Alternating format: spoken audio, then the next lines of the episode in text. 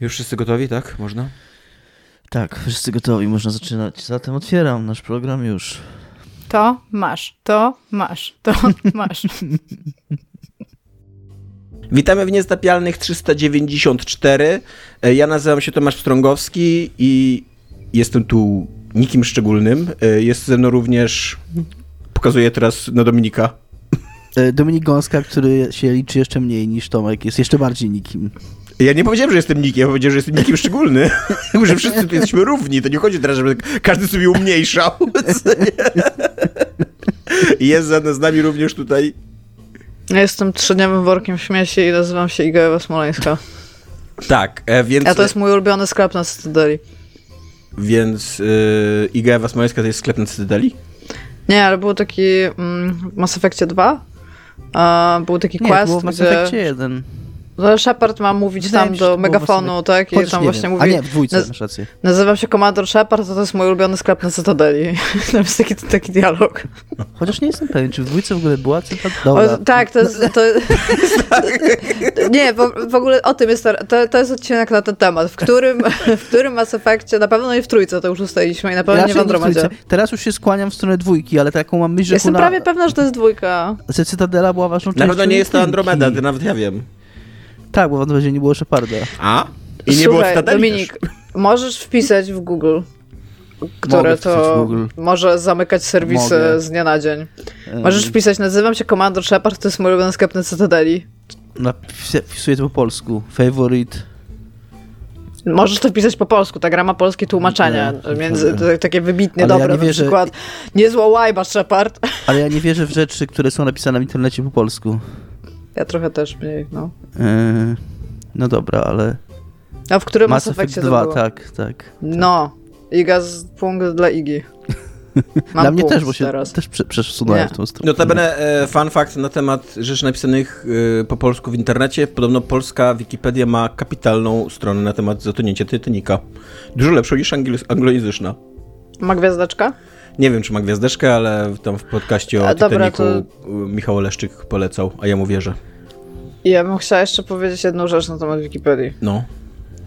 Wikipedia angielska zmieniła ustawienia strony na tabletową, mobilną, ale że każda inna Wikipedia tego nie zrobiła. To jest tylko na tej Wikipedii angielskiej i nie jestem w stanie nad tym przejść do porządku dziennego. Dziękuję. Musisz z tym żyć, Iga. Musisz. No, jakby jest trudno, ale jakby jeden dzień, jeden dzień naraz, nie? Tak sobie powiedziałam. Dobra, Krok ten wielki rozpiernicz tu na początku prowadzi do tego, że będziemy dziś rozmawiać o marketing, marketingu w Giereczkowie, czyli o tym, jak gry są reklamowane i nam O nie, sprzedawane i wpychane na siłę. Co, Dominik, mówisz, jak ja mówię? Że wydawało, że spojrzałem na Wikipedię teraz i że chyba jest normalna, ale teraz jak myślę, że nie, faktycznie, że jest jakaś inna. I ma z lewej strony takie. Ma linki bardzo duży rozdziałów. paddings. Dominik, od kiedy ty nagrywasz ten podcast, żeby wiedzieć, że jak ja mówię, to ty nie możesz mówić? Jeszcze, A jak wcześniej konkretnie- Iga mówiła, to ty też nie mogłeś mówić. Jeszcze, jeszcze chciałam powiedzieć, że konkretnie Tomek napisał maila z agendą i w tym mailu y, pierwszy raz, chyba najprawdopodobniej czas jak nagrywałem, poprosił, żebyśmy sobie nie wchodzili słowo i sobie nie przerywali w tym odcinku. I Dominik, jakby już dwa razy. Więc tak, będziemy rozmawiać o marketingu w Giereczkowie, e, o trailerach, o reklamach, o dawaniu pieniądzów, o kłamstwach i niekłamstwach. Ale zaczynamy od co jest grane. Dominik, ty jesteś, y, nie wiem czy można się nazwać z młodzieżą, skoro grasz w point and clicki, ale są to nowe point and clicki przynajmniej, więc jesteś z tymi młodszymi, starszymi ludźmi jakby, tam, z tymi, którzy już są na wylocie, ale jeszcze żyją. Więc co tam u Tak. ciebie, co jest grane? E, Iga poleciła mi grę, ale to nie jest. A nie, czekaj, bo to nie jest ten link. Chwila. Jak Dobrze. link. Y, Nic, nieważne. E, Iga poleciła mi w weekend grę, czy przed weekendem, nie pamiętam już dokładnie, pod tytułem No Questions Asked. Jest to gra studia, która się nazywa The Troubadour Collective. Ja próbowałem coś o tym studiu wygooglać i nie udało mi się to. E, Są z Polski. Są z Polski, ale to się dowiedziałem od Igi. Bo nawet Ja tego się nie tego dowiedziałam z Twittera. Okej, ja nawet tego się nie dowiedziałem z Google'a. E, Ma to studio na razie na koncie. Może trzeba było grę. szukać po polsku. Mogę, że trzeba było zatytułować tę grę po polsku. E, I Żadne pytania zadawane. tak. Swoją drogą oni trochę też chyba nie do końca mogli się zdecydować, jaki będzie tytuł tej gry, bo ona jest y, w taki jest plansza na początku, że tam, nie pamiętam dokładnie, jak takie pierdzielenie, że tam wszystkie osoby są nieprawdziwe i takie tam. E, I tam jest ona inaczej nazwana. E, no, no nie pamiętam w tej chwili, ale ma inny tytuł, więc przypuszczam, że ten tytuł się zmieniał w trakcie, do ostatniej chwili. E, I to jest taka bardzo minimalistyczna przygodówka point and click, bardzo krótka przy okazji, w której główny bohater jest kurierem, pracownikiem firmy, która jest takim, pełni rolę takiego mm, takiego kuriera na półświadka, powiedzmy, takiego usługi kurierskiej. Z? Y, między innymi, to znaczy między innymi tam dostarcza jakiś towar dealerowi, który jest nazwany kocimiętkarzem, bo testuje swoje narkotyki na kotach. I możesz go, to swoją drogą to jest jeden z najfajniejszych motywów w tej grze, jak go poprosisz mm, o, żeby ci dał spróbować swojego dzieła najnowszego i wtedy bohatera, sporo jest takiego myśli bohatera i fajnie się te jego myśli zmieniają, jak, jak jest pod wpływem te, te, tego specyfiku. E, no i jako ten rozwoziciel paczek tam cała gra, cała gra trwa 5 dni i każdego dnia tam ma gdzieś jakąś paczkę dowieść, tam są jakieś wydarzenia, które są z tym związane, plus yy, jakaś tajemnica, bo jego przyjaciel pierwszego dnia się dziwnie zachowuje w tej firmie, drugiego dnia już go nie ma i tam jakieś rzeczy się dzieją. Nie będę spoilował, bo to jest gra na godzinę i to ja, w, ja nawet to nie jest gra na godzinę, ja w godzinę trzy razy przeszedłem, żeby zobaczyć wszystkie, znaczy dwa razy właściwie, żeby zobaczyć wszystkie trzy zakończenia. E, I to jest tak naprawdę taka gra w wybieranie. No, Iga? Nie, po prostu zaczęłam się zastanawiać, że przeszedłeś o dwa razy, żeby zobaczyć wszystkie trzy zakończenia. Tak, bo y, w niej można też. Y, mm, jakby co każdego dnia ona robi save'a. Więc można mhm. wczytać później. Mm, Save więc, scamming, okej. Okay. Więc jak dwa razy ją przeszedłem, to już na trzecie, na trzecie zakończenie już jakby wiedziałem, co zrobić i domyślałem się i. E, więc. Y, no. Y, gra jest w zaporowej darmowej cenie, jeszcze do mnie jest, zapomniał powiedzieć. Tak, gra jest za darmo, więc y, choćby dlatego warto jej spróbować. Graficznie ona trochę przypomina, była taka gra Detective, coś tam, coś tam. ona bardzo e, przypomina graficznie Bitcop. E, to mniej, bo Bitcop jest taki mm, e, bardziej oddaloną ma kamerę. A to, to, jest, to jest taki, taka, taka pikselowa gra, E, które, które jest jakby Dark Side Detective, o tej grze myślałem. Taka bardzo przyzumowana, czyli takie bardzo duże są te piksele. E, I, I bardzo mało szczegółowa jest ta grafika, więc dużo wyobrazić trzeba, trzeba korzystać. E, I mm, mówię, całe granie w tej grze sprowadza się do podejmowania decyzji takich, gdzie pojechać, z kim pogadać, albo jaką opcję dialogową wybrać, co potrafi mieć, co, ma takie bardzo istotne mm, przełożenie na to, jak ta historia się potoczy, aczkolwiek ono jest trochę niekonsekwentne, to znaczy nie jest do końca jasne, yy, jak twoje...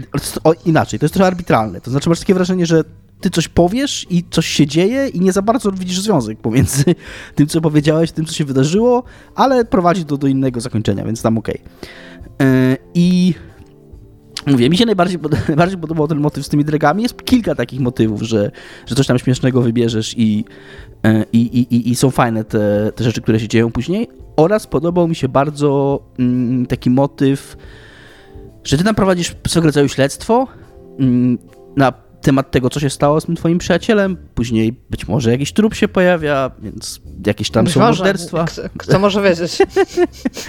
E, I masz taką tablicę korkową, gdzie każdego dnia dochodzą ci... Śmiesznie było jakby w tej grze było tam literalnie zero trupów, zero śledztw, zero morderstw, tylko po prostu tam dostarczysz paczki i naraz, nie? Tylko Dominik próbuje nam jakoś wcisnąć, żeby, żeby ktokolwiek zagrał. nie, nie. Mm, masz taką tablicę korkową, na której masz takie karteczki z poszlakami wpisanymi i sobie te poszlaki możesz układać w tej tablicy i oznaczać jako tam ptaszek, że zielony, albo czerwone kółko, że tam tak, nie, albo znak zapytania.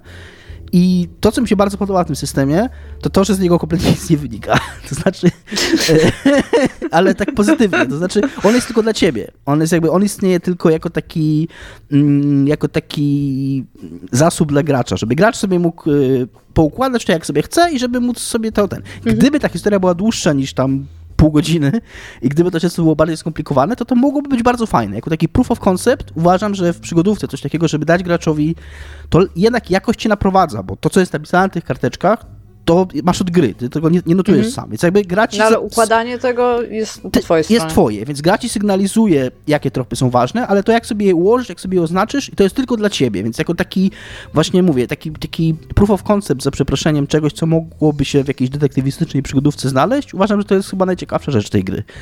Mm, I no, gdyby ona była dłuższa niż, niż mówię, z pół godziny, to nie chciałoby mi się jej przychodzić drugi raz, żeby tam drugie zakończenie odblokować. E, Ale, ale była na tyle krótka i tam na tyle zabawna, że, że, że, że to zrobiłem. I, I ja jakoś super nie polecam.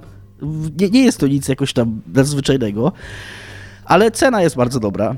Mm, I, i to jest gra, że jakby ja z przyjemnością sobie tam poklikałem i, i ona jest taka też no bullshit. W sensie ma bardzo takie mm, mm, skrótowe dialogi, co jest trochę wadą, trochę zaletą, bo wadą, bo po prostu jest dosyć słabe to pisarstwo, ale przynajmniej jest, y, nie męczy cię, jakby nie, nie leje wody, nie? Jest taka bardzo do brzegu, szybko. I ma spoko mm, taką, taki pastisz y, Saula Goodmana z Breaking Bad i Better Call Saul, który jest tam taki prawnik, który się nazywa, jak to nie wiem, ba, bardzo podobnie się nazywa i tam ma praktycznie identyczne, mm, identyczne biuro. I, I jest fajną postacią, tak fajnie wygląda w tych pikselkach i tam w pewnym momencie wchodzisz do niego, on w wannie siedzi i pali cygaro, nie? Jakby to, to, to mnie się kleiło nawet. E, więc tak, jest dziękuję ci. Iga. które reklamują gry na Steamie, ten typ. A, okej, okej, nawet nie wiedziałem. Więc... Centralnie siedzi w wannie i pali cygaro i tak. To dobrze go zapamiętałem. Tak. E, więc tak, i jak macie. O, faktycznie to jest tutaj. Więc jak macie wolną godzinę, czy nawet pół godziny, to, to polecam. Uff. A drugą grą. Jak macie wolne pół życia, Zmączył się w ogóle. Co? jak macie wolne pół życia, to jest druga gra dla ciebie, tak? Tak. Ciebie. E, gram znowu w Baldur's Gate 3 po trochę na fali tej zapowiedzi, bo chyba w zeszłym tygodniu, czy jakoś, czy dwa tygodnie temu na State of Play Sony e, zapowiedziano, że gra ukaże się na PlayStation 5, co swoją drogą wywołało od razu trochę zamieszania, bo e, bo pojawiły się pytania, gdzie Xbox i na razie była, jest zapowiedziana tylko na PlayStation 5. Larian się ustosunkował do tego, potwierdzając, że oni ciągle nie grają w ekskluzywność. E, We are not playing the exclusivity game napisali, ale przyznali, że mają jakieś problemy techniczne z wersją na Xboxa i ogłoszą ją, jak będą pewni, że będą w stanie ją dostarczyć. Oni nawet nie twierdzą, że ona nie będzie na dzień premiery. Mówią po prostu, że na razie nie są w stanie zagwarantować, że im się to uda i raczej wynika z tego, że ta gra będzie na Xboxa, tylko być może będzie później i oni twierdzą, że to jest wyłącznie kwestia techniczna. Nie do końca im wierzę, bo ta gra się jednak pojawiła jako trailer na dużej, na dużym streamie. Technicznie rzecz marketing- biorąc, dostali przelew od Sony, od Microsoftu nie. No właśnie. To jest jakby- techniczna kwestia. Więc jakby no, nie chcę nikomu nic zarzucać, ale mówię, pozostaję sceptyczny co do tego wyjaśnienia. Mm, ale na fali tego, na fali tej zapowiedzi sobie wróciłem i gram mm, Paladynem teraz od nowa i, i bardzo spoko mi się gra. E, I trochę muszę się wycofać, bo jak mówiliśmy o grach, na które czekamy w tym roku, to ja trochę miałem hej, takiego hejta. No.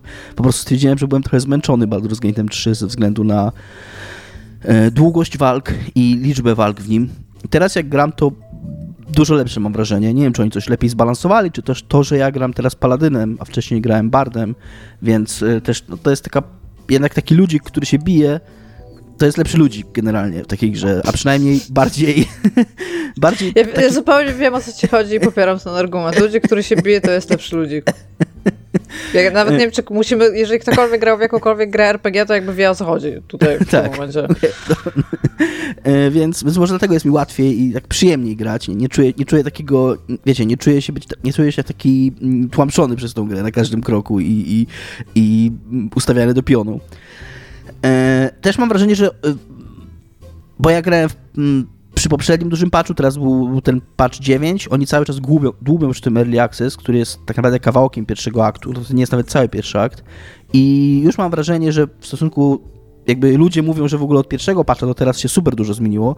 Ja mam tylko to porównanie od patcha 8 do patcha 9, ale też mam wrażenie, że, że, że istotnie ta gra się zmienia. Na przykład to, co mi się super podobało, że w jednym z questów jest się u takiej starej baby, mm, wiedźmy w lesie, która mm, w swoim w piwnicy swojego domu tam ma taką jaskinię i ta, ta jaskinia jest schowana za takimi pnączami. Takie, takie drzwi z pnączy, takich splątanych są. I ty z tymi pnączami możesz gadać, bo czemu nie, tam because of course. I, I one ci mówią, tam próbujesz się przekonać, żeby się otworzyły, one się nie chcą otworzyć. I jak grałem to pierwszy raz, to trzeba było się domyślić z dialogu, że po prostu przez nie można przejść. nie, widać, nie widać mapy za nimi, ale jak się kliknie w, czarne, w czarną przestrzeń, to po prostu ludzik przez nie przejdzie i tyle. E, co mi się wydało, ja się tego nie domyśliłem wtedy, musiałem to wygooglać miałem takie tam, tam Oh Larian, nie? Tam so much Larian, nie? Mm, to teraz jest tam dodana scenka, gdzie jest pokazane, że ludzik przechodzi przez to, tak? Masz po prostu na ryj pokazane, że, że możesz to zrobić, nie? Co uważam, że jest... I to, to jest coś, coś tam oczywiście jakoś fabularnie obudowane, że tam te drzwi ci opowiadają o tym, co, co było wcześniej, co się działo w tej w tej chałupie i, i jest pokazane jakby ten. Więc uważam, że to jest krok w dobrą stronę. Uważam, że Laren powinien to częściej robić, bo oni mają, oni potrafią kurna mieć tak głowę w własnych dupach, yy, jeżeli chodzi o design zagadek i, i jakiś tam... Yy, progresji taki, gry. Progresji gry, tak. Takie rzeczy, które trzeba, co trzeba zrobić, żeby, żeby dalej iść, nie? Yy, więc to jest spoko. Mam wrażenie, że to się w muzyce zmieniło, chociaż mm, pytałem o tym na Reddicie i na, na Sabio, ale te, w ogóle te redditowe saby gier to jest po prostu tak ciężko tam jest cokolwiek się dowiedzieć, bo ja czytam, czytuję, rzadko postuję na sobie Pathfinderowym i na pubie, na sobie Baldur's Gate'owym, głównie dlatego, że to są właśnie takie gry, że szczególnie Pathfindery, że, no mówię, tam się trzeba było doktoryzować, więc często po prostu musiałem pytać ludzi, albo jak mi się nie udało czegoś wygoogla, wygooglać, nie? E, tam, jeżeli spróbujesz tam po prostu ludzie robią laskę tym deweloperom tam 24 na 7, nie? I jak spróbujesz w jakikolwiek sposób krytyczny, nawet nie jakoś super krytyczny, tylko stwierdzić, że no, wcześniej mi się muzyka nie podobała, teraz mi się trochę bardziej podoba i od razu masz kuna downvoty i tam w ogóle jesteś najgorszy, nie? Bo, bo, bo nie, jesteś, nie jesteś super fanem tego. Nie? Ale to taka, taka dygresja. E, pytałem ludzi i twierdzą, że Larian dodaje jakieś nowe e, motywy muzyczne, że nie jest tak, że ta muzyka się zmieniła, ale być może są jakieś nowe utwory. Mam wrażenie, że takie ogólne, ogólna moja perspektywa jest, że brzmi ta gra dużo bardziej baldurowo niż brzmiała na początku. E, I wydaje mi się, że ona idzie w dobrą stronę, więc jestem znowu nakręcony na premierę. To, co mi się cały czas mniej podoba, to mm, pomijając to wszystko, to to jest gra, która w której praktycznie wszystko działa tak jak w Divinity. Nawet jeżeli walka jest inna, nawet jeżeli progresja będzie lepsza, to mam takie wrażenie, że, że tak koncepcyjnie to jest ta sama gra. Wiecie, taka, takie same podejście do mapy, takie same podejście do zarządzania ekwipunkiem, jakby wszystko działa tak samo. Co, jak to jest zupełnie nowa gra, to fajnie by było jakby miała jakieś zupełnie nowe rozwiązania, coś czego Divinity nie miało. Jakiś pomysł nowy na nie wiem, no na cokolwiek, no. A jest, masz dokładnie wszystko jest to samo. Cztery postacie w drużynie, e, wszystkie te, mm, cała ta interakcja z, z, otoczeniem, całe to przesuwanie przedmiotów po, po lokacjach, całe te wszystkie wybuchające beczki, jakby. I masz tak, że jak chcesz zajrzeć do beczki i źle klikniesz, to podnosisz beczkę? Tak, tak. To jest Plus... najprawdopodobniej moja ulubiona rzecz, która była w Divinity. Moją ulubioną e. rzeczą jest to, że masz tam ten, y, taką nawet spoko mechanikę, że jest ogień i jak wybucha ci ogień w trakcie walki, to możesz przywołać deszcz i on ci gasi ten ogień, co nie? Dlatego no zawsze, tak. mniej więcej od połowy gry nie masz już ognia w tej grze, masz tylko nekroogień. Tak. tak. Żeby bo to było za łatwe, jakby był zwykły ogień. Tak. Ale nekroogień mm. trzeba najpierw rzucić błogosławieństwo i dopiero później można go zgasić deszczem. E, więc tak, e, co jeszcze chciałem powiedzieć? Zapomniałem, co chciałem powiedzieć, ale ogólnie spoko, no. Jakby czekam, bardzo mnie cieszy J.K. A kiedy, Simmons. Kiedy oni ją przesunęli? Premierę? Nie przesunęli, nie przesunęli, oni tylko że była dotychczas, była dotychczas zapowiedziana na sierpień 2023, a teraz doprecyzowali i podali jak najdalej się da, żeby utrzymać ten sierpień. czyli 31? 31 sierpnia 2023. Yy, Ciekaw jestem, czy ona wyjdzie, ale, ale no, robią już ją na tyle długo, że pff, że byłoby dziwne chyba. Aha, wiem co chciałem powiedzieć, że cieszy mnie ta wersja na PlayStation 5, dlatego że tak jak patrzę na Divinity, ono miało też, jak wyszło na konsolę, to dostało od razu sterowanie napada mm, na PC-ta i mam nadzieję, że tu będzie tak samo, bo na razie nie ma, co jest w ogóle super dziwne, bo ta gra już ma sterowanie na padzie, bo ona na stadii miała sterowanie na padzie. Ale wersja PC-towa ciągle go nie ma. Mam nadzieję, że jak wyjdzie wersja ostateczna i będzie na konsolach, to będzie też sterowanie padem na PC, ponieważ też nie jestem fanem. Dla mnie w ogóle coś takiego jak klikanie prawym przyciskiem i wybieranie, co postać ma zro- zrobić z przedmiotem na lokacji z listy, Yy, to jest takie w ogóle już pececiarstwo pierwszej wody, że, że wiecie, że mam zamknięte drzwi i domyślna akcja to jest otwórz, więc muszę kliknąć prawym i wygrać lockpick z, z takiej długiej listy rzeczy. Brzmi bardzo RPG. Co ty wiesz w ogóle o pesyciarstwie? Stary, ty, ostatnio chciałem odpalić e, Layers of Fear 2, który jest nieprzystosowany do współczesnych tych e, procesorów i musiałem centralnie wejść na Steama i tam jest e, obejście takie, że musisz wejść do komanda takiego Windowsowskiego i wkleić tam po prostu tekst i, i dopiero wtedy ci działa, co nie? To jest pesyciarstwo. Ale zacząłem też myśleć o, Tomek już wie, o kupnie nowego procesora, więc, yy, bo mm, też pytałem o wymagania, bo ta gra trochę zwiększyła się, yy, w, zwiększyły się wymagania mm, minimalne, co też jest super dziwne, bo oni tę grę już sprzedawali i ludzie ją kupili. I ja, miałem, ja w ogóle jak ją kupowałem, to miałem takie, no ciekawe, czy będzie do, mi dobrze działać, ale najwyżej jak mi nie będzie dobrze działać, to zrobię zwrot, nie? No i kupiłem i działa dobrze, więc pograłem 70 godzin w nią, a teraz Larian mówi nagle, haha, będzie miała wyższe wymagania, tam losers i już nie zrobisz zwrotu, tak? Co jest trending move, wydaje mi się. Wydaje mi się, że zrobienie zwrotu gry po 70 godzinach też jest trochę dick move'em. Tak, tak, ale, ale jeżeli ta gra mi nie będzie działać dobrze na tym sprzęcie, na którym działa mi dobrze Early Access, ja zapłaciłem te 250 zł, nie tylko za Early Access, ale też za pełną grę, która wyjdzie. Jeżeli ta pełna gra nie będzie mi chodzić dobrze, to jednak będę mógł się czuć trochę rozczarowany.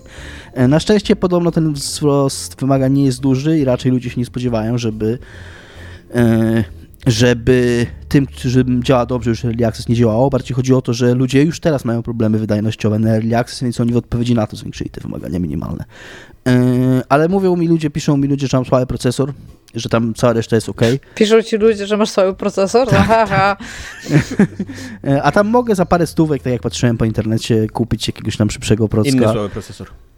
No, napisali, napisali mi, że najlepsze poczekaj, że jedyne sensowne, co teraz mogę kupić, to jest 6700K Intel, który ma jakieś... Yy, to nie jest taki super słaby procesor A będzie ci chyba. pasował do płyty głównej? Tak, tak, no właśnie taki Okej, chyba no najlepszy, to, który... to, to jest najgorsza rzecz, nie? Że potem musisz to skonfigurować do płyty głównej. i 4,2 4,2 GHz Co więcej, sprawdź jeszcze, czy ci będzie z ramami dobrze działał. i 7. Mhm. Sprawdzę. No tam on w tej chwili jakieś 5-6 kosztuje na Allegro, więc mam nadzieję, że yy, przed, yy, pre, jeszcze do, do sierpnia stanieje i Bo tak, bo ja musiałem na przykład, jak teraz kupowałem nowy, e, nowy procesor, to musiałem też wymienić cały RAM, bo miałem na tyle stary RAM, że nowe procesory już go tam mają w dupie centralnie.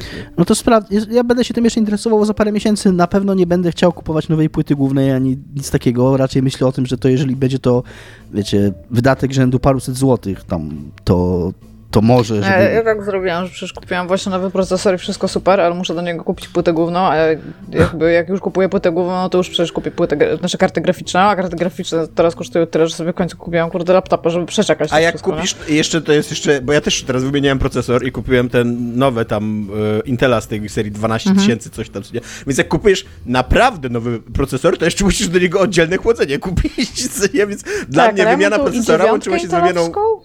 e, dla mnie wymiana procesora łączyła się z wymianą RAMu, z wymianą płyty głównej i dokupieniem chłodzenia, co nie? Więc to jest super, kurde. PC są rewelacyjne.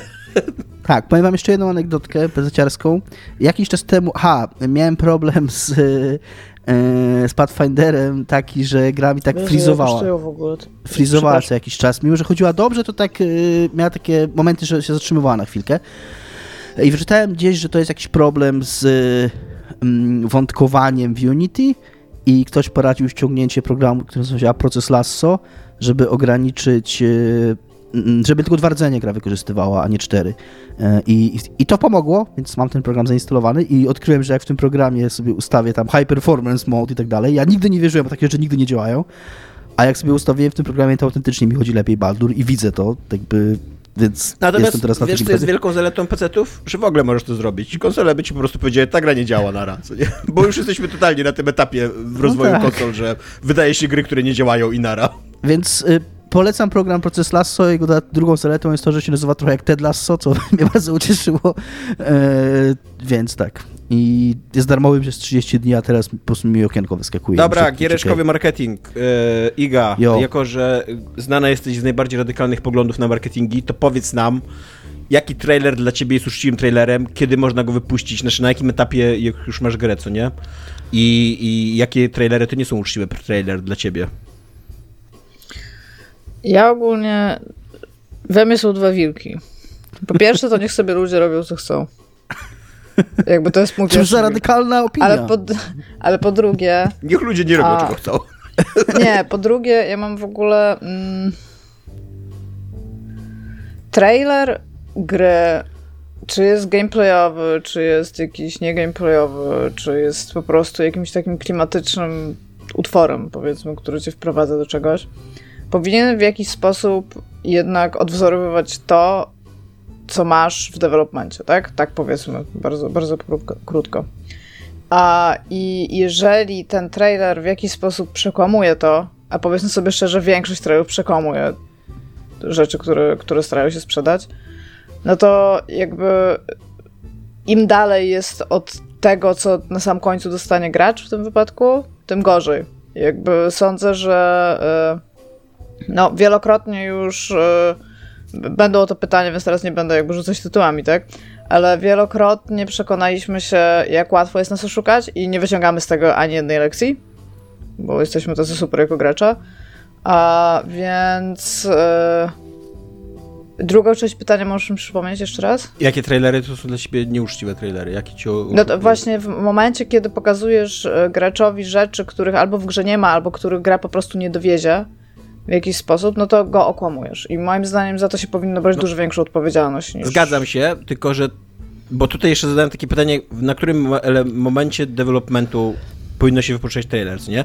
Jak no, najpóźniej. No właśnie, no bo to sugeruje, że jeżeli wypuścisz trailer w momencie, kiedy masz jakieś tam feature'y, o których, które na przykład później wypadną, to znaczy, że to źle, tak? Tak. Znaczy, bo to jest. To, ja, ja tu dosyć dużo rozmawiałam ostatnio z moim kolegą, który się zajmuje marketingiem w ogóle też, między innymi. A, I brak komunikacji, naj, bo to jest tak, jakby ty, ja wiemy, jak się robi gry. Więc potem oglądając trailer, na przykład wiemy, a musieli pewnie ten wielki coś, co tutaj pokazują, wywalić. Po prostu było bardzo trudno to wsadzić w ostateczną wersję gry, tak? Natomiast jeżeli byli tak stuprocentowo przekonani, że być może, że, że jeżeli, byli, jeżeli ta gra się jakby mogła obejść bez tej rzeczy i tak łatwo ją było wyrzucić, tak? To czy ona musiała być koniecznie w trailerze? To jest takie też moje pytanie, nie? Jakby to jest e, przy, przyczynek, mogę już poka- podać jakiś przykład, bo to, Pewnie. żeby łatwiej było To powiedzieć. nie jest tak, że ja ci zabroniłem Mm. podawać jakieś przykłady. Nie, tylko się zastanawiam, żeby ta dyskusja też miała taki jak, jakiś, e, jakiś pacing, nie? Nie wiem, czy pamiętacie, była taka bardzo duża afera w związku z No Man's Sky, że tam miały być te takie czerwie, te sandwormy. Mhm. I jakby oni pokazali tego Sandworma, ja sobie zdaję sprawę, czemu oni pokazali Sandworma w trailerze, tak? To jest bardzo fajne, żeby coś takiego pokazać, gracze to zapamiętali i niestety gracze to zapamiętali, a potem najprawdopodobniej przez e, te generowane światy e, i, to, i to, że tam te tam Sandwormy, czy jakby załóżmy na potrzeby tej rozmowy, że oni rzeczywiście doprowadzili do prototypów tego, żeby te Sandwormy działały. Tak, że jakby, że, że to, po, załóżmy, że mieli to w buildzie, tak? No i potem coś się stało, czyli na przykład, nie wiem, jak generowało piaskowe planety, to nigdy nie było na przykład tyle miejsca, tak, żeby one się dobrze generowały. No i stwierdzi, no to niestety musimy to wywalić. I jakby być może mądrzejszym byłoby nie pokazywanie wtedy, w związku z tym, a, tego, że w trailerze pokazujesz tego Sandworma, bo naprawdę mieli z tego powodu bardzo duży backslash e, e, społeczności dookoła tego, no bo po prostu ludzie zauważyli, że był ten Sandworm i oni go chcieli, nie?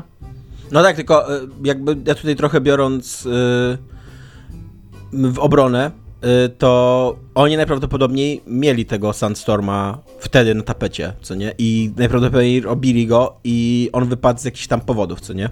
Więc jest jeszcze takie pytanie, jakby jak masz, jak robisz grę, to w pewnym mm. momencie musisz ją ogłosić, co nie? I ona prawie na pewno nie jest jeszcze wtedy skończona. Jakby jak, jak no, robisz trailery skończonej gry, to, to już to masz jakiś dziwny, bardzo, ba bardzo dziwny plan marketingowy, no. Tak, no właśnie. Więc e, tak jak mówię, co nie, oni, oni to, to, to, prawie na pewno nie było oszustwo z tymi Sandwormami, co nie? Ale oni mówię, mieli je, ja oni pracowali nad nimi, mm. oni uważali, że one będą w tej grze, później coś wyniknęło, co im przeszkodziło z tym. No, ale to jest właśnie moja linia argumentacyjna. Tutaj nie chciałam raczej ich ill will zakładać, bo moim zdaniem cały No Man's Sky to nie... Jakby, złej woli. Złej woli. Tak, to, to, nie był właśnie taki produkt złej woli, że oni tutaj usiedli i specjalnie nakłamali tym e, biednym graczom. Tylko, że po prostu się nie wyrobili z tym, z czym się nie wyrobili. A prawda też jest taka, że gracze sobie dopowiedzieli naprawdę milion, że tak, okej, okay, oni też troszeczkę powiedzieli mówili o rzeczach, które najprawdopodobniej były zaplanowane, a potem nie powiedzieli, że ich jednak nie będzie w grze. To był ich błąd, ale jakby ja nie zakładam, że oni to zrobili z jakimś takim takim jak e, złoczyńca, tak, że jeszcze tak zacierali rączki i tam zakryli się peleryną i no, uciekli oni jeszcze w ogóle przecież pokutują za to, co zrobili do teraz i wypuszczają, oni aktualizują tą grę, rozbudowują, dodają Tak, tak, ja wiem, rzeczy. ja właśnie jakby... Cały czas patchach, więc tam długą pokutę mają. Tak, tylko, że to był taki, taki motyw, który ja bardzo mocno zapamiętałem po tej premierze, że były te takie wątki Where's the Sandworm, tak? Gdzie macie tego czerwia? Chcę zobaczyć tego czerwia. I tam jak ludzie już zeszli z faktu, że ty nie grasz z innymi, bo to był ten taki twitchowe wydarzenie, gdzie dwójka ziomków za, umówiła się w jednym miejscu, jakby w tym świecie całym i się okazało, że nie widzą siebie. A to jak ludzie zeszli z tego, to właśnie automatycznie wskoczyli do tego czerwia, tak? Jakby... Tylko, że nie wskoczyli, bo tak, go nie było. Tak, nie wskoczyli, bo go nie było i nikt go nie mógł znaleźć, nie? No i się właśnie potem okazało, że go w ogóle nie ma w grze. A no i tak, Tomaszu, ja, ja wiem o co ci chodzi. Ja wiem, że to jest właśnie problem yy, w związku z tym, jak reklamować grę, zanim ona wyjdzie, tak? Żeby ludzie o niej w ogóle wiedzieli.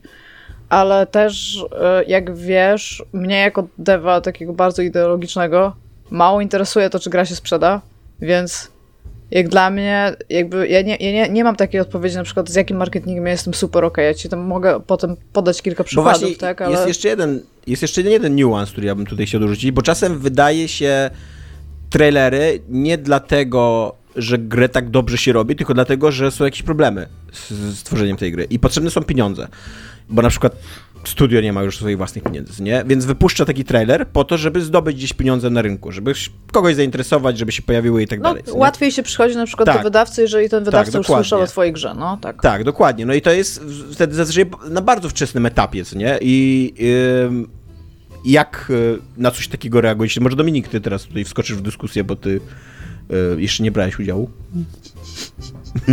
Ja chciałem dodać, że w październiku 2021 dodali e, e, Sandwormy do No Man's Sky. E, mam również do dodania to, że mm, jakkolwiek zgadzam się, że nie było złej woli e, utwórców No Man's Sky, czyli Hello Games, e, to trochę jednak było, bo oni przez pewien czas bardzo szli w zaparte. Właśnie mi się przypomniało a propos tego trybu multiplayer. Oni bardzo szli w zaparte, że ten tryb multiplayer jest. Kiedy gra już wyszła. Tak, I kiedy mówię, już było wiadomo, że, i, i, oni twierdzili, że to jest po prostu bardzo mało prawdopodobne, że żeby się ludzie spotkali. No i właśnie i potem było to spotkanie na Twitchu i tak, ludzie, ludzie tak. tam powiedzieli sprawdzam, sprawdzili tak. ich rękę i u... Więc to nie do końca tak, że, że wiecie, że coś nie wyszło i obiecali, a nie dostarczyli, tylko wręcz później jeszcze szli w zaparte, że nie, nie, że jednak to jest w tej grze, mimo że tego nie było i przecież oni chyba wiedzieli, co jest, a czego nie ma w ich grze. Mm, a co do tego, co Tomek powiedział, e, to Yy, tak. Tak, Aha, tak. okej. Okay, ja, ja, nie jestem, ja, ja, nie jestem aż taki ideologiczny i uważam, że yy, jednak są pewne realia biznesowe i, i fajnie, jeżeli gry mogą być dobre i fajnie też, jeżeli ludzie którzy tę robią, mogą zarabiać pieniądze i nie muszą tego robić jako wolontariusze do e, The Day Before. e, tylko po prostu mogą się z tego utrzymać i utrzymać swoje rodziny i tak dalej, a do tego w kapitalistycznym świecie, z którym żyjemy do czasu, aż na czele Tom, z Tomkiem Strągowskim e, obalimy system i zaprowadzimy e, komunistyczną rewolucję. E, ale do tego czasu jest tak jak jest, także nic z tym nie zrobimy i jakby trzeba żyć w tym świecie. E, ja jestem po lekturze, tak jak mówiłem w zeszłym tygodniu, tego dokumentu o Psychonauts 2 i oglądam teraz trochę wolniej już, bo jest mniej dobry, mm, tak w porównaniu, ten pierwszy ich o, o Broken mm, Age? Broken Age, czyli Double Fine Adventure. I oni tam robią taki myk, to znaczy oni tam w pewnym momencie muszą zdecydować o tym, że nie, że robią trailer, chociaż też, ale w ogóle oni robią coś takiego, że to był bardzo źle odebrany ruch wtedy, że dzielą tę grę na dwie części, bo po prostu im się skończyły pieniądze. I oni, bo oni niby zebrali na tę grę tam trzy bańki, a chcieli 300 tysięcy, tylko tam Schaefer mówił, że te 300 tysięcy to oni planowali zrobić jakąś flaszówkę po prostu i tam bardziej chodziło głównie o ten dokument. I, i dopiero jak zebrali te 3 miliony, to, to ten projekt urósł do takich rozmiarów, do jakich urósł i po prostu się skończyły pieniądze. I jak się ogląda ten dokument, to jakby bardzo wyraźnie widać, czemu one się skończyły, bo jakby nie tak, że jak ja w tamtych czasach się mówiło, że o, po tym Schaefer sobie wy, wymyślił Jacka Blacka i tego, i Elijah Wood. To się stało dużo, dużo zanim w ogóle Elijah Wood i Jack Black w ogóle się pojawili w tym projekcie, bo po prostu jak się ma studio, które ma 50 osób i, te, i z tych 50 osób, nie wiem, 20 osób pracuje nad tą grą, to 3 miliony to nie jest tak dużo. Jeszcze wynajmujesz biuro Tak, i robisz tak, wszystko to- dookoła tego, no. to, to ogólnie nie jest dużo pieniędzy, no. To jest bardzo dużo jak na zbiórkę społecznościową i super, że ludzie to dali, jakby nikt tego nie deprecjonuje, no ale on po prostu chciał bardzo zrobić tę grę i chciał, żeby ta gra była najlepsza możliwa, jaka może być. I tam opinie są różne, można tę grę lubić, można tej gry, tej gry nie lubić, natomiast ja mm, szanuję takie, takie mm, jak to powiedzieć, nie deterministyczne, tylko to inne słowo, pragmatyczne.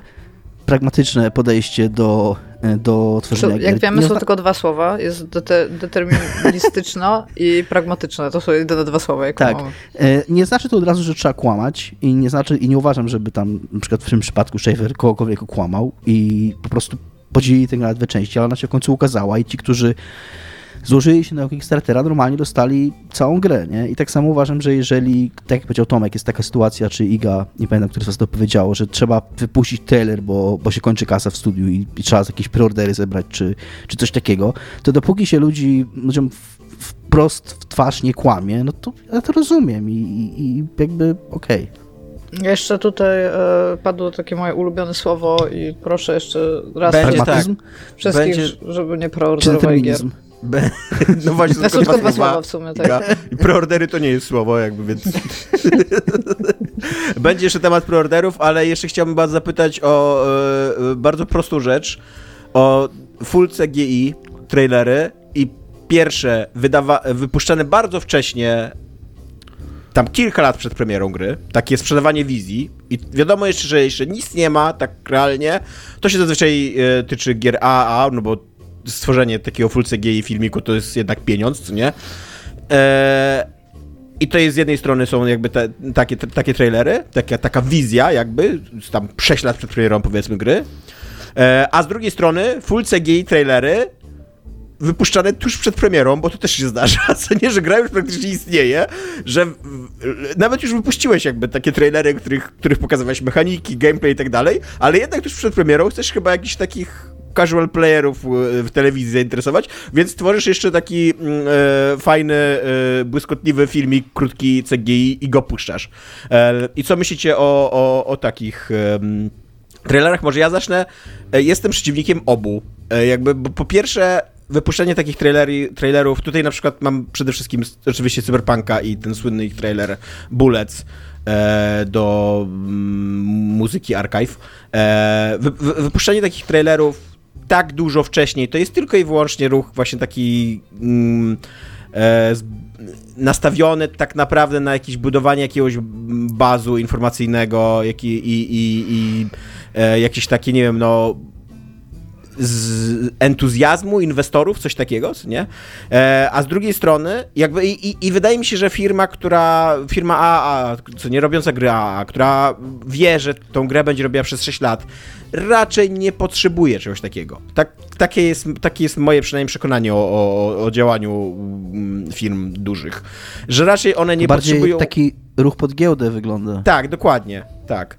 E, a z drugiej strony jest to absolutnie, i tu jeszcze w ogóle zagorzałem przeciwnikiem tego, żeby właśnie wypuszczać takie filmiki CGI tuż przed premierą, bo jeżeli, jeżeli one są w grze, to niech one po prostu będą w grze i sobie je obejrzysz, jak grając tą grę, a jeżeli ich nie ma w grze, no to po kiego w ogóle wydajesz pieniądze na to, to zrób to z gameplayu, ta gra już praktycznie jest w rękach ludziu, ludzi e, i, e, i, i, po prostu złóż ładnie sceny z tej gry i, i zrób z tego fabułę. To się da zrobić, to jest, to jest robione, to jest...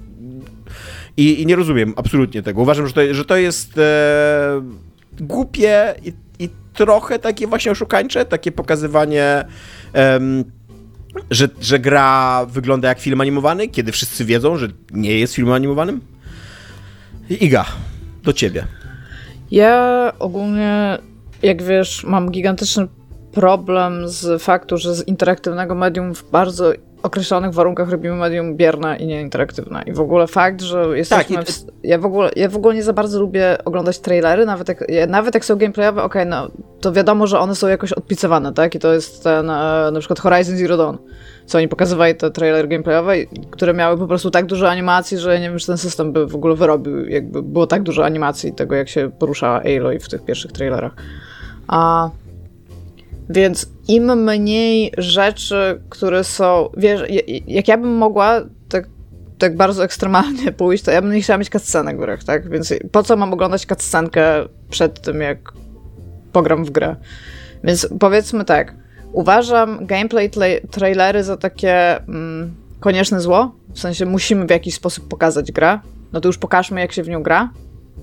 I to jest moim zdaniem bardzo ok, jeżeli to nie przekłamuje tam niczego a wiem, że dema znowu zaczęły być popularne, ale jakby najlepszą formą czegoś takiego, co ty mówisz, to bym wiedziała, żeby dać graczowi po prostu kawałek czegoś, a już w ogóle jeżeli dasz mu nowy poziom, demo taki, żeby ci pokazać. Oddzielny jakby. Tak, tak, tak, tak jak się kiedyś robiło. Nie, nikt już na to nie ma czasu w ogóle i pieniędzy, żeby coś takiego zrobić, ale wtedy to już w ogóle było fenomenalnie. Mi się wydaje, że nawet nie to, że nikt nie ma czasu i pieniędzy, ale że to jest bardzo powszechnie odbierane jako strata czasu i pieniędzy. No, ja dlatego uważam... mówię, że nikt nie ma to tam, wiesz, no, nobody got time for that, ain't nobody got time for that. A... Ale dodam tylko, przepraszam, że jest jeszcze jeden nurt, który mi się bardzo podobał w ostatnich, nie wiem, czy latach, czy miesiącach przynajmniej. E, japoński, chyba Square Enix to robi najczęściej e, na Switchu, że wypuszcza demo, ale na innych platformach też, że wypuszcza demo, które jest początkiem gry po prostu i jak kupisz tą grę, to będziesz grać dalej. E, więc to, to jest co okay. uważam, że jest super to jest bardzo okej, okay, taki, że nie masz też poczucia, jeżeli to, nawet, jeżeli to nie może być inny level, to jeżeli to jest część gry, to niech to będzie początek, taki, że jak kupię tę grę, to jakby ten początek mam, nie muszę go mhm. powtarzać. Mm. Tak, to jest, to, to jest bardzo okej. Okay. Ale jeżeli chodzi właśnie o trailery CGI, to ja nawet staram, ja teraz staram się myśleć na ten temat tak mocno, i to nie jest tak, że którykolwiek z nich zapadł mi tak bardzo w serce, że go tam mocno pamiętam. Pamiętam oczywiście Bullets, tak? Pamiętam też te tragicznej jakości figurki, które były potem tej pani. I to sprzedawało, bo, bo to jest takie trochę strzelanie sobie w kolano tak naprawdę. To w jaki sposób, jak ty byś porównał tego cyberpunka, który wyszedł jako gra do tego pierwszego traileru, to on się ma nijak. To jest po prostu, to są dwie zupełnie inne rzeczy. Jest bardzo poboczny quest gdzieś tam w sklepie, który możesz wykonać, który jest jakoś z tym powiązany tak na siłę. Tak, ale w ogóle jak pamiętasz, jak wygląda ten trailer, jaki on klimat tak. ci sprzedaje i co tam się dookoła dzieje i to w jaki sposób ona jest traktowana i to, że w ogóle cy, ten cyberpsychoza, tak, to jest taki bardzo, bardzo ważny temat, a tam jest co jeden, jeden taki mini boss battle yy, quest, tak, że musisz tych tam cyberpsycholi tam zabijać lub nie zabijać, bo to jest bardzo moralny wybór a, I to jest właściwie tyle, nie? A tak, on sprzedawał naprawdę to... taką grim rzeczywistość, high-tech, low-life, że tam nie wiadomo jakie rzeczy będziesz robił, a no tego nie ma w tej grze, nie? Znaczy, to było takie...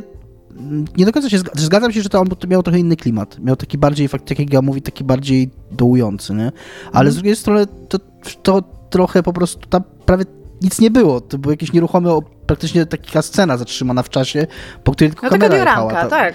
Taka tak, dioramka, tak, tak. o, to jest to słowo. Także to nie, No ale chodzi Co mi o to, się- Ja się tu zgodzę z jakby, Igą, że- że jak że moim- dostajesz takie CGI, to wiesz, na przykład ja bym to zobaczyła i potem bym zapadła w śpiączkę. I to by było coś, że ja bym sobie na to patrzyła i bym była like, o man, ale I będę grać w tego... po 8 latach i twoim jedynym zmartwieniem było, jak wygląda Tak. cyberpunk teraz. Bez kitu, bez kitu. Ale żebym to zobaczyła i stwierdziła, oh my fucking god, ale ja będę grać tego cyberpunka. Pewnie będę rozwiązywać jakieś, nie wiem, może sprawy Czemu kryminalne, albo będę coś tam, ale chodzi mi po prostu o to, że to, to, to właśnie jako, jako twórca sobie tak trochę strzelasz w kolano, bo ty masz już jakiś koncept, być może już masz jakiś pomysł na to i być może ta gra była planowana na jako taką naprawdę... Mm, naprawdę mroczną, jakąś taką naprawdę, wiesz, cyberpunkową historię. Nie wyszło, tak? I tam okej, ale teraz ludzie, którzy widzieli ten trailer, a bardzo dużo ludzi widzieli, ten trailer, mają pewne oczekiwania wobec tej gry, który, którymi ty nie jesteś w stanie zarządzać. Właśnie, e, tak, ja też jak oglądałem sobie ten trailer, tutaj przygotowując się do tego odcinka, też miałem takie, taką miałem myśl, że ta gra najprawdopodobniej, jak zaczynali na nią pracować, to oni sobie ją wyobrażali zupełnie inaczej, co nie? I to jest normalne, że ona zmieniła się, tylko że oni już pokazali tą wizję, nie? Ludzie, ludzie już skoczyli na, te, na, na tą wizję, co? Już chcieli takiej gry trochę, tak mi No. się wydaje. E, Dominik, trailer CGI bardzo wcześnie przed premierą i, e, bar, i tuż przed premierą. Znaczy bardzo E, długo przed premierą i ja tuż przed sobie- premierą, tak. W swoich notatkach e, pod tym pytaniem napisałem sobie jedno zdanie, które brzmi: Ja bym wolał nie. E, I i to mniej więcej e, się zgadzam z Igą. To znaczy, nie, nie jestem tak radykalny, absolutnie jak Iga. Ja lubię dobre trailery i lubię cutscenki, jak są fajne. E, I nie mam nic przeciwko nim. I, i, tylko, że e, trailery, trailery CGI mają taki problem, że e, one są trochę po nic.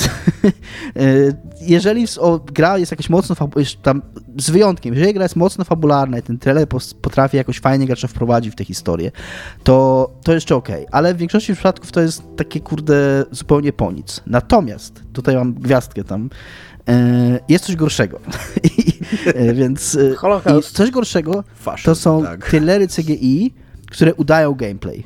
O, I to tak. jest, kurna, To, to ja w ogóle nie wiem, do- nie wiem, kiedy zapada na ten temat decyzja, ale jakby tak, to się dzieje i tam i to po prostu wszystko, co od początku do końca w tym, z tym pomysłem jest złe.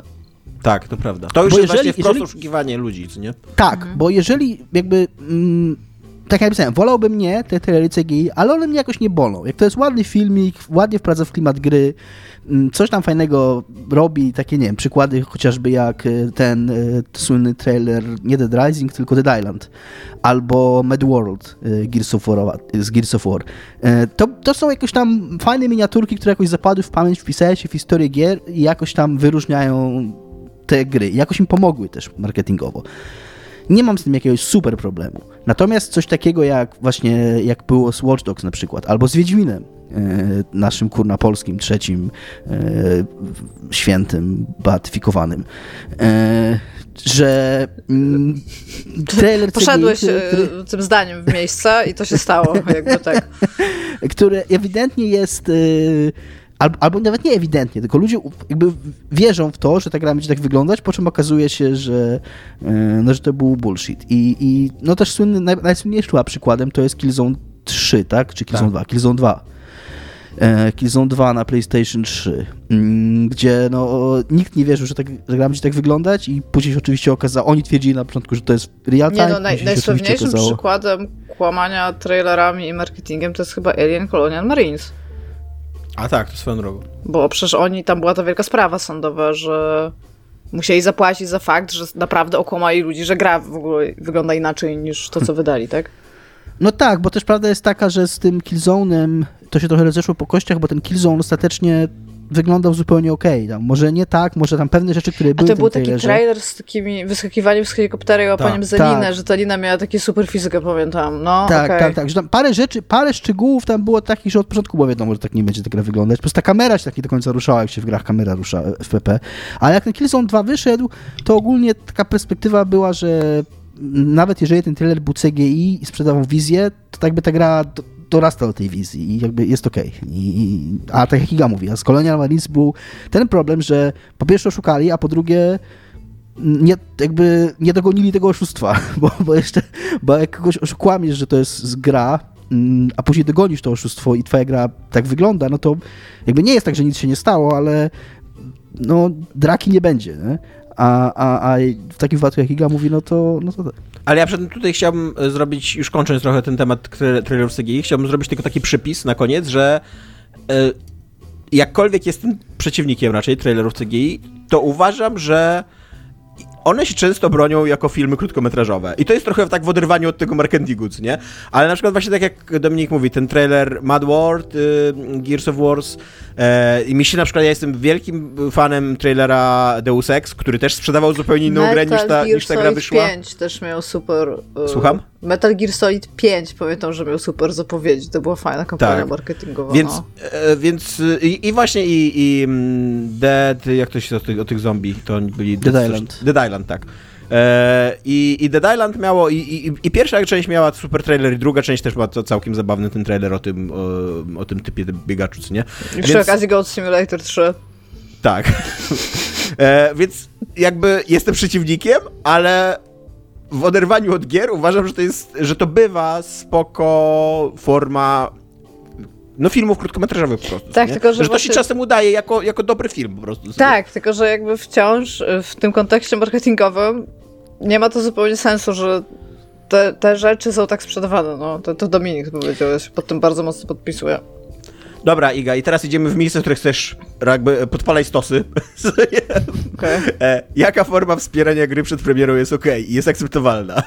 I jaka też forma namawiania do wspierania gry przed premierą, nie? E, Uważam, Kickstarter, preordery, early access, gdzie Uważam, stawiasz że granice? Kickstartery, w sensie te takie mm, miejsca crowdfundingowe, może tak powiedzmy, tak? E, nie wchodząc już tutaj w takie jakieś dziwne rzeczy jak FIG, tak? Bo było coś takiego jak FIG, że tam dostawałeś Chyba kawałek jest ciągle. Jest? No właśnie, bo ja, ja nie wiem, już jakby bardzo dawno tam nie wchodzę.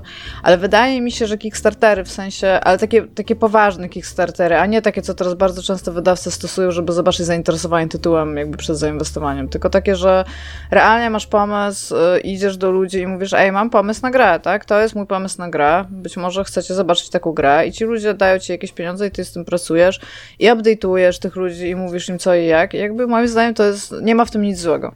Może w ten sposób. To jest nawet miłe i już masz e, community, zanim ta gra wyjdzie, i już e, możesz się tych ludzi też pytać, możesz e, jakby dać im taką możliwość uczestnictwa i zobaczenia, jak ta gra wygląda, może w ten sposób? A, No tak, ale też jest tu mnóstwo miejsca na manipulację, co nie? Możesz tak, oczywiście, że tak. Ja, ja mówię, ja tutaj wychodzę jakby z, z takiego założenia, nie zarzucę, jakby staram się wychodzić z założenia, że ci ludzie, hipotetycznie, których tutaj mówię, ci twórcy, to, to, to oni nie starają się kombinować, tak? Po prostu mają pomysł na grę, chcą ją zrobić, potrzebują pieniędzy, które przeliczyli, że potrzebują, tak? Nie traktują tych ludzi jako darmowych testerów, ani nic takiego, tylko po prostu na koniec tego procesu chciałabym, żeby ci ludzie dostali grę. I z tym nie mam żadnego problemu. Zaczynam mieć właśnie problemy z takimi Kickstarterami nieszczerymi, czyli właśnie wydawca chce zainwestować w grę, ale zanim zainwestuje, to musi zobaczyć, czy jest e, zainteresowanie nią, więc startuje Kickstarter, dostaje się ileś pieniędzy i potem ten wydawca daje, bierze te pieniądze, dopłaca też swoje pieniądze i daje ci to na grę i ty masz ją zrobić, tak? Ale to nie jest tak naprawdę crowdfund- crowdfundingowa gra. Ja wiem, że jest trudno i trzeba czasami dywersyfikować. Tak. E, Powiedziałbym, że jest takie słowo, ale to nie jest słowo, są tylko... Trzecie no słowo. Nie. O, Nie. Ja tu stałem. To nie jest słowo. Dywersyfiku... Dywersyfikujemy słowa. Dywersyfikować będzie trzecim słowem.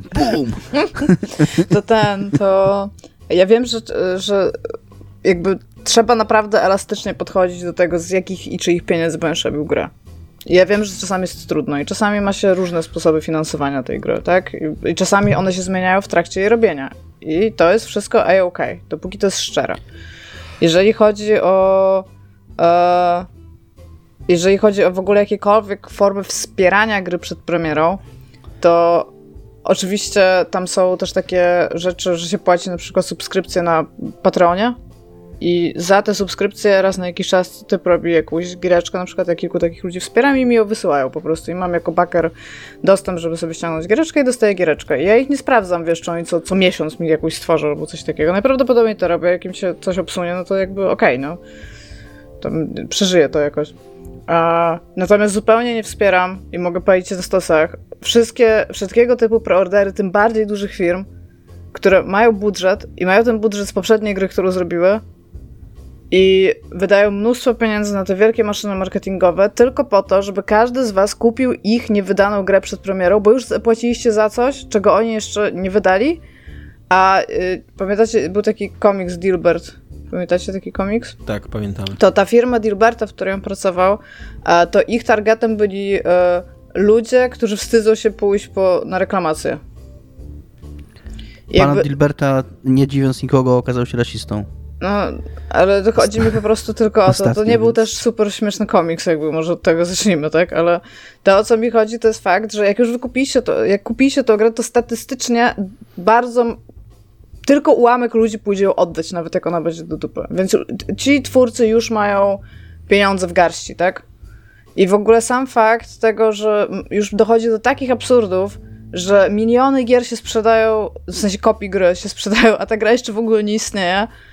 Jakby, what the fuck, guys, jakby nie róbmy tego. Je- Jedyna taka rzecz, którą ja widzę jako, jako taką lo logiczny jakby krok, że czasami można kupić preorder, to jest jeżeli na przykład kupujesz prezent znajomemu, który bardzo chciałby jakąś grę i ma urodziny 3 miesiące, kurde, przed jej premierą, to dajesz mu jako prezent preorder, ale to jest prezent, jakby ta osoba nie wydaje Ja bym- swoich pieniędzy, nie? Ja bym na przykład właśnie tak trzy miesiące przed premierą to uważam, że nie, że to jest kiepski prezent. Jakby, jak to jest trzy dni przed premierą, co nie? No do- I tam ale- wiesz, 20 idziesz na imprezę, 23 wychodzi gra, to okej, co nie? Tak, tak, jakby spoko, Ale jak to jest kurde w maju, a urodziny są w lutym, Ale To jest może różnie, kupuj nie? coś Bo, innego. dobra, jakby, okej, możesz kupić coś innego, ale na przykład i tak i tak dostaję ten preorder, bo to jest na przykład jakaś gra, która miała, nie wiem, jakieś trzy części wcześniej, a to jest jej czwarta i na nią trzeba tam było czekać 5 lat, powiedzmy, i wiesz, i jest tam super hype, nie? No to fajnie coś takiego dać.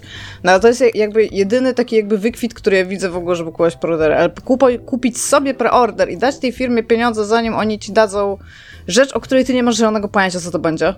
A jedyne co wiesz, to jest marketing, a na marketingu ci nie pokażą, ej, zrobiliśmy w sumie takie gówno. Może chcecie to kupić. Tylko będą ci cały czas mówić, że to jest dobre, tak? I że, i że powinieneś to Prison kupić. Simulator pokazał. Słucham? Prison Simulator pokazał, że zrobiliśmy taki gówno. It's an alpha. O, to, to jest... Siedziałam z Dominikiem wtedy w redakcji, oglądaliśmy chyba w kółko ten trailer, kurde, był taki dobry. To był tak Dominik, dobry trailer. preordery, y, early accessy, kickstartery. A, jeszcze Jak- mogę jak- powiedzieć coś o Early Accessie? Tak, możesz. A jeszcze os- y, mam problem jako osoba, która czasami korzysta z gier Early Access. Jak ja zaczynam grać w grę, która już jakby nie dość, że to jest strasznie konfundujące, bo ty sobie nie zdajesz sprawy z tego, kiedy gra wyszła. Bo gra ma tą jakby oficjalną premierę później niż ty już w nią grałeś, jak grasz w Early Access. A to mam jakiś taki gigantyczny problem z faktem, że to wymaga od graczy strasznej cierpliwości. Na zasadzie, ja wiem, że niektórych gier nie da się wydać be, bez Early Access, ale jak po prostu decydujesz się na Early Access, bo potrzebujesz pieniędzy, żeby skończyć tą grę, to musisz wziąć pod uwagę, że bardzo dużo ludzi przejdzie ci nieskończoną grę i nie wróci już potem do niej po tej premierze, tak? Więc jakby z tym też mam... Jeżeli to nie jest tak, że jakaś firma albo twórca bardzo potrzebuje pieniędzy, więc musi tę grę wydać wcześniej, żeby jeszcze móc ją skończyć, to jestem w ogóle gigantyczną przeciwniczką Early Accessu. Dominik? E, ludzie niech sobie robią co chcą. Bo, No to było moje pierwsze, są we mnie dwa wilki. e, nie jestem przeciwnikiem, znaczy uważam, że robienie preorderów też nie uważam, że było coś super złego w udostępnianiu ludziom takiej możliwości. Jakby jeżeli jest taka potrzeba i jeżeli ktoś goś to cieszy z jakiegoś powodu, ja na przykład mm, kupiłem w życiu jeden preorder y, Baldur's Gate 3. Mm, w zasadzie jest to early access, nie preorder, więc tam 70 godzin już to grałem, więc to nie jest tak, że tam No właśnie, to w ogóle nie jest preorder. Ja się absolutnie nie zgadzam, Tak, że to jest tak. preorder. na, na, wiem, wiem, ale jakby to uczucie, że mm, teraz sobie powiedzmy jest nowy trailer, nowe ogłoszenie i jakoś tam moje oczekiwania się zwiększają związane z tą grą i taka myśl, że ja już mam za nią zapłacone i jak ona wyjdzie, to po prostu ją ściągnę i będę w nią grał. O ile będziesz mógł zagrać, o ile sprzęt ci pozwoli. O ile, o ile, będzie, o ile będę mógł zagrać, tak? Yy, To jest fajna myśl, więc jakby nie, nie jest to a na tyle fajna, żebym zapłacił ja po prostu za nic kiedyś, ale jakby jestem w stanie się wcielić w kogoś takiego i wyobrazić sobie taką osobę. Yy, Jeżeli jest taka potrzeba, proszę bardzo. Nie polecam tego, nie uważam, żeby to było mądre, yy, tak jak Iga, chyba jak wszyscy, bo, no bo, no bo tak, no bo to jest oczywiste, czemu, Yy, bo kupujesz kota w worku, ale, ale nie przeszkadza mi to. Yy, Nie przeszkadza mi również Kickstarter, chociaż uważam, że ta, to, co jest coraz częstsze, czyli robienie Kickstarterów tylko po to, żeby zobaczyć potencjał gry, y, to jest trochę not cool. Mm, I, i w ogóle w grach wideo to już jest taka praktyka na początku dziennym, bo to trochę wynika z tego, że się skończył hype na kickstarterowe akcje gier, gierkowo-wideo, że ludzie się przerzucili na e, gry planszowe i figurki inne takie.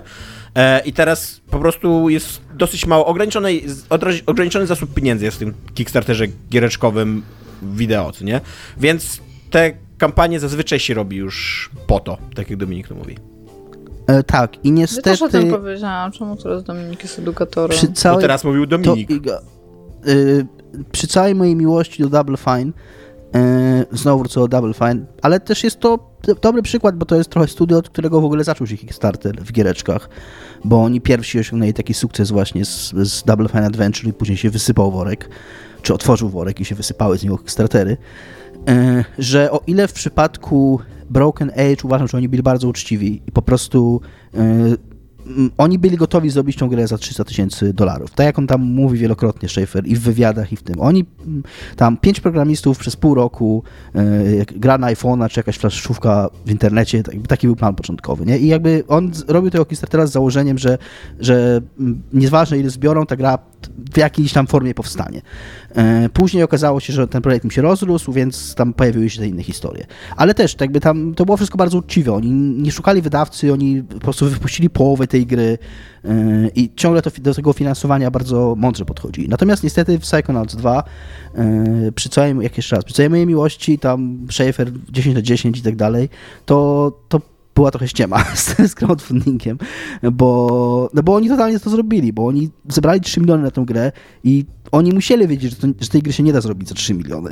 Że yy, oni tam po paru miesiącach, jak się ogląda ten dokument 30-godzinny, po paru miesiącach już mają nóż na gardę i muszą szukać wydawcy, bo to nie jest tej skali projekt. I Schaefer od początku mówił, tam przecież była ta historia z Noczem, który na początku chciał, yy, mówił, że on, on sfinansuje Psychonauts 2, po czym się okazało, że to nie są takie pieniądze, które Nocz jest w stanie wyłożyć tak po prostu, nie? bo i oni wiedzieli o tym, oni wiedzieli, że Psychonauts 1 to jest gra, która kosztowała kilkanaście czy 20 milionów dolarów i że Psychonauts 2 będzie kosztować tylko więcej i to, że tego się nie da zrobić za trzy bańki.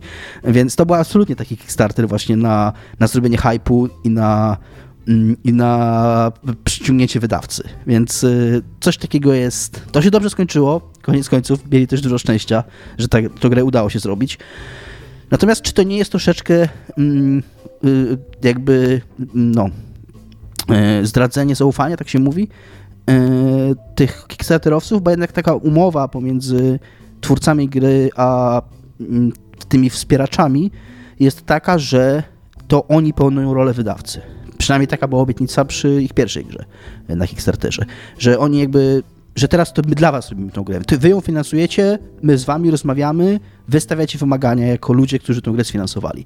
Natomiast jeżeli ty zbierzesz 3 miliony na Kickstarterze i wiesz, że te 3 miliony to ci starczą tylko na parę miesięcy pracy i później musisz iść do wydawcy i to już ten wydawca stawia warunki i to już on mówi, co w tej grze ma być i ten człowiek, który dał te pieniądze na początku już nie ma nic do powiedzenia, no to to jest takie, no nie, nie jestem fanem, no, uważam, że nie powinno się tak robić. Tak. E, przeżywamy tą interesującą debatę, żeby się zapytać y, Igi Wysmańskiej, co jest graną u niej?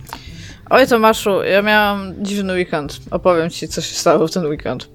A ogólnie to ja mam ostatnio... Śmieszne jest, że akurat mi chcesz to opowiedzieć, bo akurat ja znam tą historię. Opowiedz sobie słuchaczom. Dobrze, słuchajcie. Ej, mordeczki, słuchajcie, co się działo. A ja mam bardzo dużo starych konsoli i starych gier w domu. Mam naprawdę bardzo dużo fizycznie zajmuje tu dużo miejsca i stwierdziłam, że chciałabym powtórzyć sobie trochę tytułów, ale też pograć w jakieś w cudzysłowie nowe, czyli w takie, które nie grałam wtedy, kiedy te konsole były na rynku. A w związku z czym uznałam, że nie będę grać na płaskim ekranie, bo na płaskim ekranie to po prostu nie wygląda dobrze.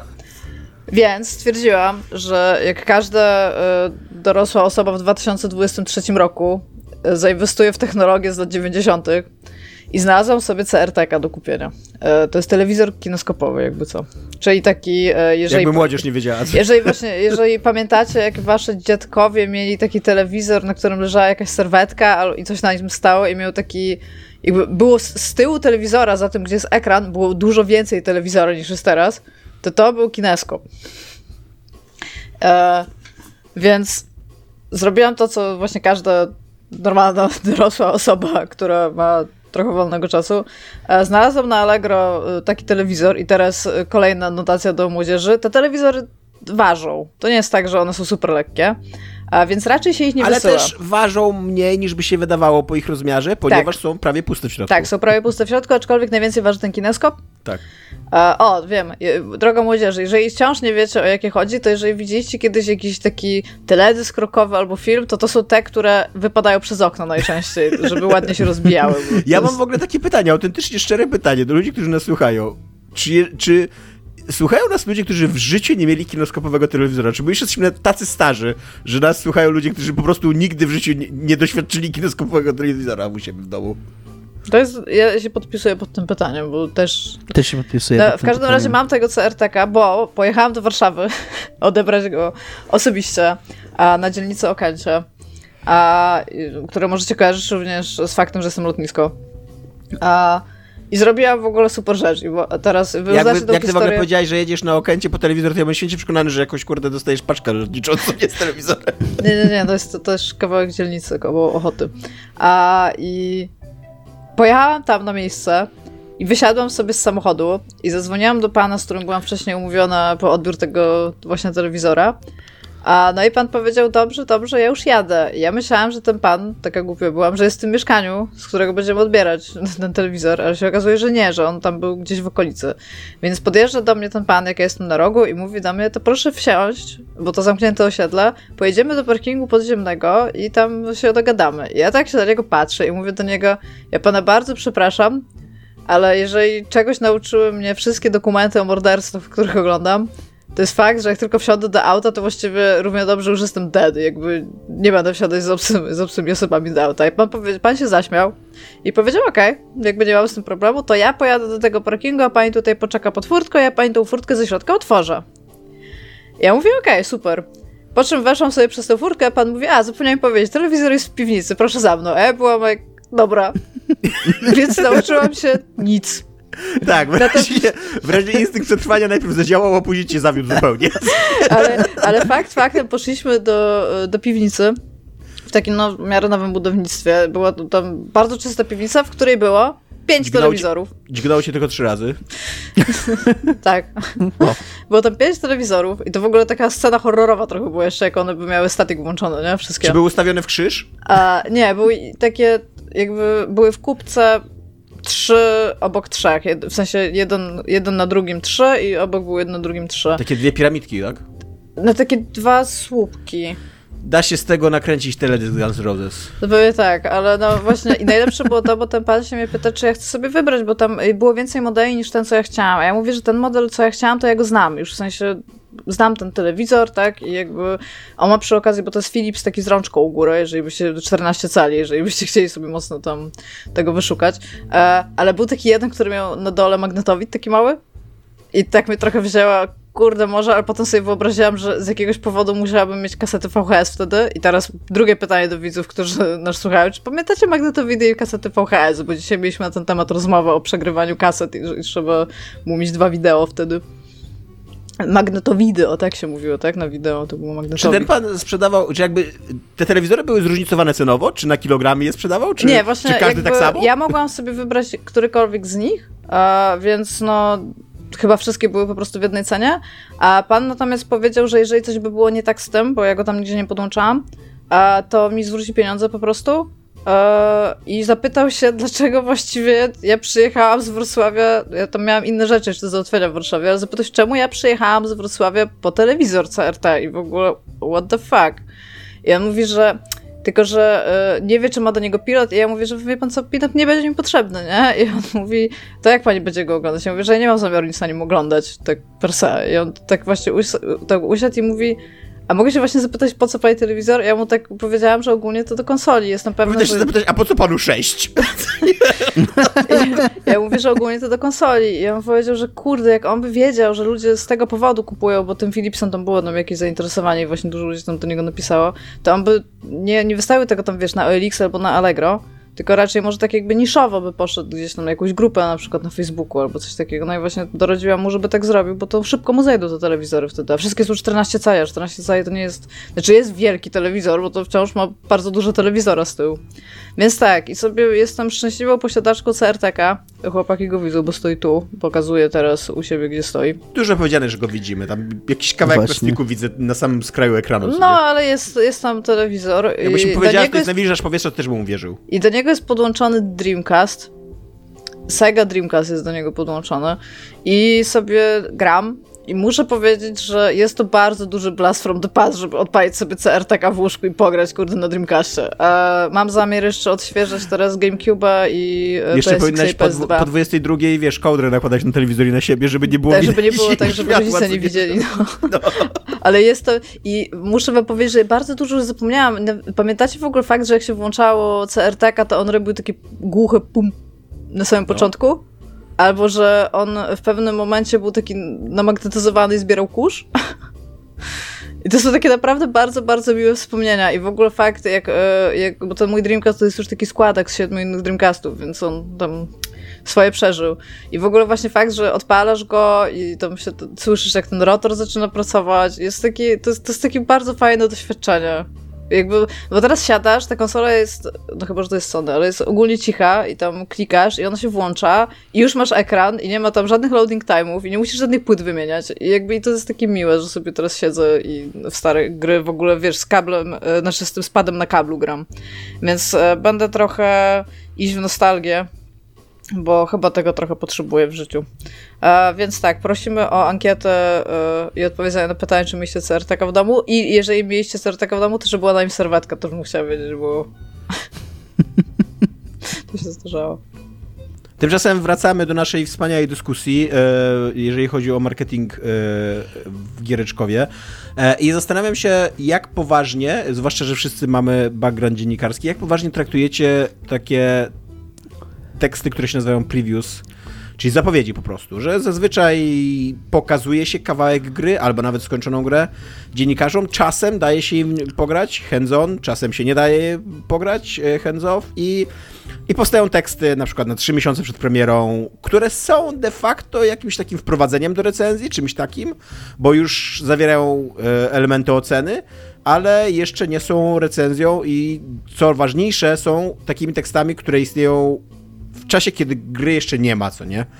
Dominik, ty jako nasz dziennikarz tu jeszcze aktywny, działający, zacznij ten temat. Dużo, dużo powiedziane. Nie, bardzo nie lubię takich tekstów. Praktycznie ich nie czytam od kiedy w ogóle zacząłem czytać i składać literki w słowa, słowa w zdania, a zdania w akapity, a Nie akapity w uczyli rozdział. was e, w podstawówce czytania na previewsach?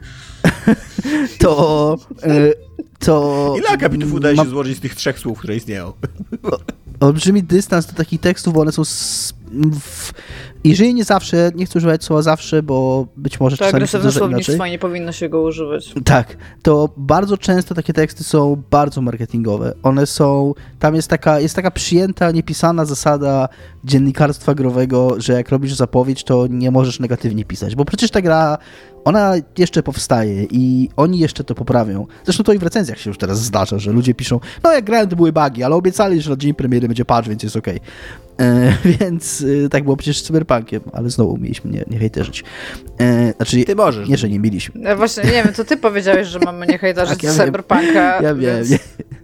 E, W każdym razie, wracając może do, do meritum, tam nie chciałem, e, to, to w, w zapowiedziach jest przyjęte, że właśnie, że one mają być raczej je, najgorsze, co jakby najwyższy poziom krytyki, na jaki można się wznieść, to jest taka neutralność, taka, ym, takie powątpiewanie, że no nie jestem pewien, czy w pełni, nie, że to mi się nie podoba, nie, że to nie działa, nie, że to jest zły pomysł w tej grze, tylko no nie jestem pewien, czy akurat y, to, że gra działa w 3 FPS-ach i wiesza się co 15 minut, będzie najlepszym doświadczeniem dla gracza, ale zostało Czas jeszcze pokaże. Tam, ale czas, czas, czas pokaże, nie? E, Więc m, takie teksty są trochę bezwartościowe, szczególnie jeszcze w czasach e, naszego nastolenstwa, e, kiedy tam czytaliśmy Secret Service Top Secret, to się wszystko czytało, bo My nie czytaliśmy Top Secret, Dominik. No Nie właśnie. wsadzaj ja nas do tego worka. ja, bo Nie każdy był takim przygrywem, żeby to czytać. Top Secret był super, odczep się. E, I, I po prostu wtedy się nie, nie, To było jedyne źródło informacji o tych grach, więc te zapowiedzi często były pierwszym miejscem, z którego się w ogóle dowiadywałeś, że taka gra istnieje. Więc y, to jest taka trochę zaszłość, moim zdaniem, z tamtych czasów, bo dzisiaj, jak masz taką zapowiedź, która jest pisana z jakiegoś eventu, gdzie posadzili tego dziennikarza na pół godziny y, w jednym pokoju z 15 innymi i mógł porozmawiać przez minutę z jakimś PR-owcem i pograć pół godziny w tą grę i teraz ma coś o niej napisać. I to jest tak ściśle kontrolowane, co on widzi, y, embargo jest bardzo ściśle określone, co on może napisać, czego on nie może napisać, że kurde, równie dobrze te filmy mogłyby wysyłać gotowce i... i embargo to jest w ogóle największe, największe za przeproszeniem gówno, jakie w ogóle istnieje. Żeby... To prawda, tak żeby w ogóle powiedzieć, bo to nawet nie jest prawnie w jakikolwiek sposób usankcjonowane, tylko ty musisz powiedzieć dziennikarzowi, te, ogólnie to się umawiamy tak, że ty nie możesz tego wydać do dnia premiery, tego tekstu, który napisałeś i ty w sumie możesz, jakby, jako redakcja możesz puścić ten tekst, ale musisz się liczyć z tym, że potem się fochuje na ciebie firma i cię nie wyślą, nie dadzą ci wcześniej pograć. I to Wiesz, jest co prostu... najbardziej lubię? Najbardziej lubię, jak dostajemy na nasz y, podcastowy mail, dostajemy trochę takiego spamu y, reklamowego i jak tam dostajemy jakiegoś, jak, dostajemy jakiegoś maila, o którego nikt nie prosił. I ten, ten mail zaczyna się od tego, że jest embargo na dopiero za trzy dni mogła napisać. Ja mam zawsze ochotę napisać, stary, ale to ty dzwonisz. Co? Tak, mordo, to ty dzwonisz, jakby. Weź tak odpisuj. Ale tak, w ogóle bardzo, moim zdaniem w ogóle już dotarliśmy do momentu, gdzie odbiorca wie, że jeżeli jest embargo na jakieś teksty o grach, to znaczy, że to jest bardzo czerwona flaga. Znaczy, jeżeli to jest jakieś takie embargo agresywne, typu, nie wiem, dzień premiery, no, to jest takie, bo, no bo jak jest embargo na dzień premiery, to równie dobrze można tę grę kupić w sklepie i, i no, prawie, że tak, i mieć tą recenzję tam 2-3 dni później. W ogóle tak naprawdę embargo, ja nie mam takiego dużego problemu z embargo na recenzję, e, ale to właśnie te zapowiedzi, one są najbardziej obciążone embargo, bo w zapowiedziach jest tak, że jeżeli właśnie napiszesz coś źle, bardzo źle o grze, albo mm, nie, mm, nie zastosujesz się do embargo, to następnym razem cię nie, jakby nie zaproszą na taką zapowiedź i nie tak, będziesz miał kontentu. To jest, to jest fascynujące, że jakby w jakiś sposób ta wielka branża show biznesowa po prostu raz na jakiś czas zachowuje się jak randomowa 15-latka i strzela focha. Ale Trzeba jak... focha, bo, bo daje ci pograć w coś i ty o tym napisałeś słowa i jakby nie, już nie, nie damy ci już, się, nie możesz się z nami bawić. Właśnie... Skończę, skończę myśl. No. Jeżeli chodzi o recenzję z kolei, to e, jeżeli już złamiesz to embargo, jeżeli masz naprawdę powód, żeby je złamać i bo możesz mieć, nie? Bo chcesz ostrzeć ludzi, nie ja w ogóle, wiem. Ja nawet, ja nawet to jest, sądzę, to nie musisz mieć powodu, to, to nie jest coś, co istnieje, jakby to jest jakaś no, głupia umowa bez po przesady, prostu. no jest to jakaś umowa, no ale powiedzmy możesz się zastosować do niej, możesz nie, tak? Jeżeli mm. nie ma jakiegoś super powodu, to jakby zakładasz, że dzień premiery... Tylko po prostu, wiesz co, mi, to, co, to, co ja powiedziałam, mi się chyba nie podoba sformułowanie, którego użyłeś, to nie jest tak, że no, jeżeli masz potrzebę złamać embargo, i raczej bym powiedziała, jeżeli nie masz potrzeby dotrzymywać tego embargo, o tak, byłoby mi łatwiej. Nie no, wciąż, wciąż uważam, że jeżeli, powiedzmy, publikujesz recenzję w dzień premiery gry, jakby nie ma jakiejś wielkiej potrzeby, że ona była wcześniej.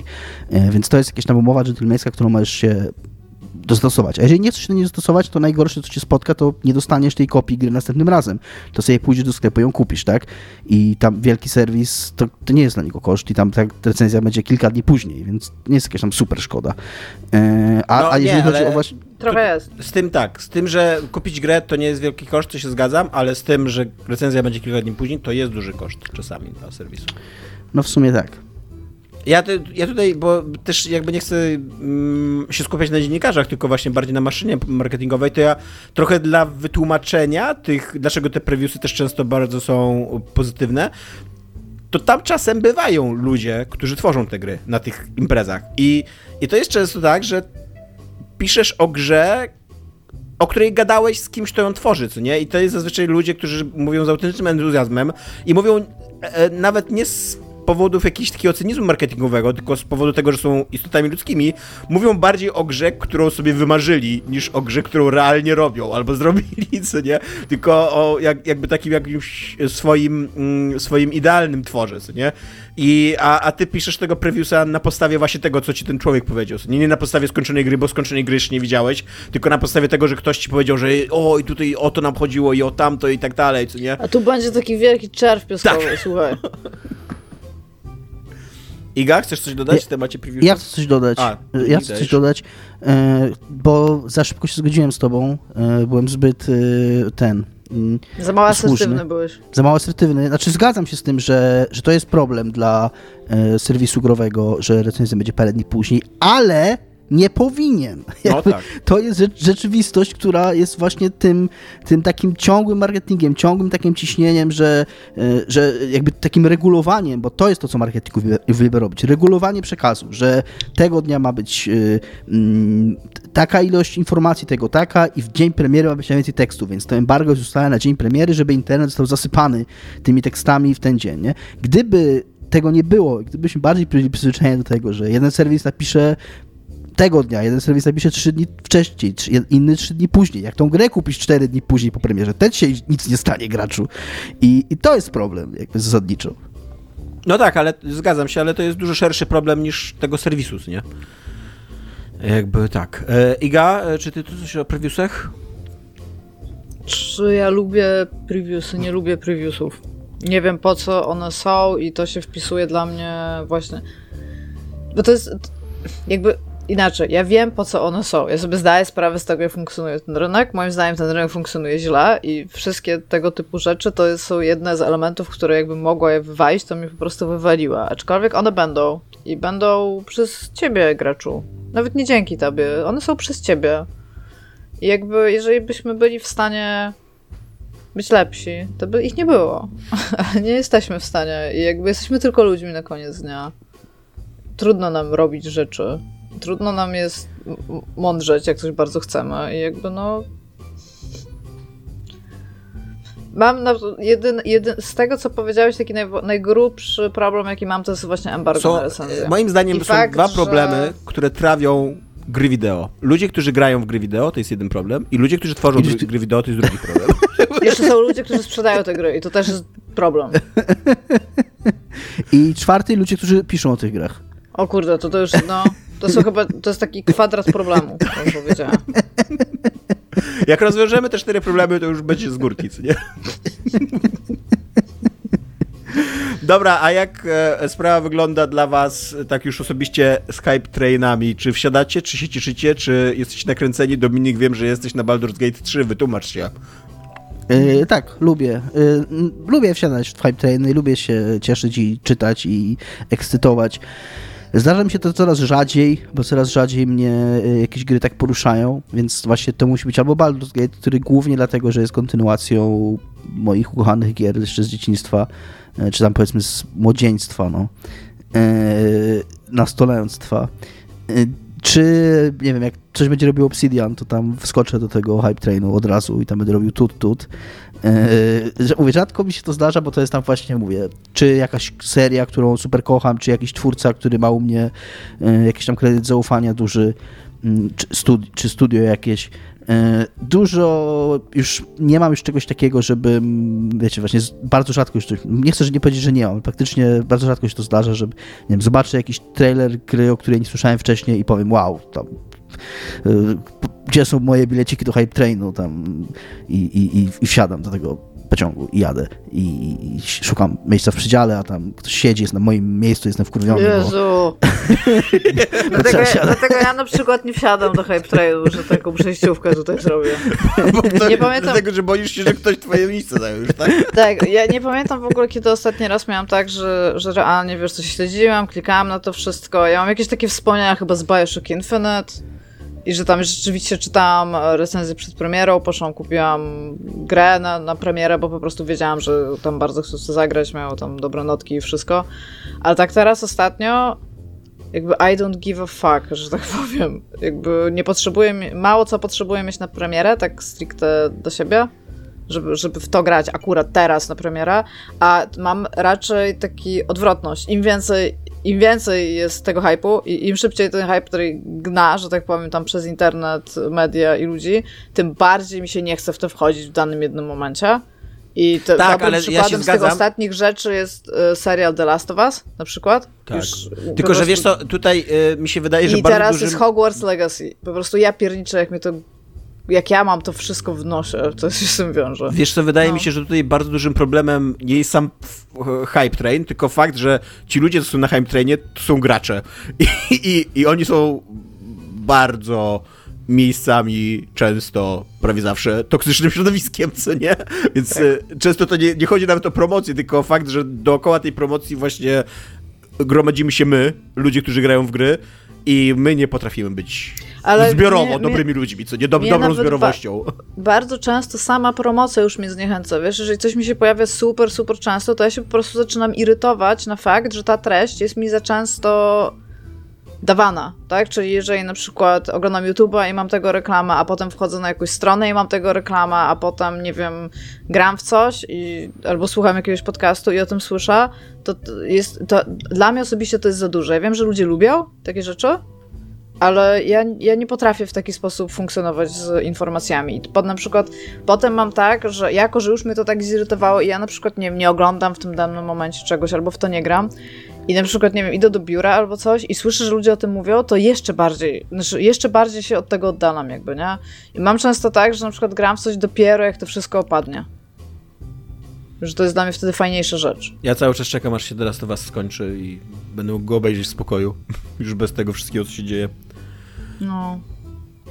E, ale tak, e, ja tu powiem, że wskoczyłem ostatnio do Hype Traina Signalis, e, co zresztą chyba było słychać, jak opowiadałem o tej grze i tak dalej.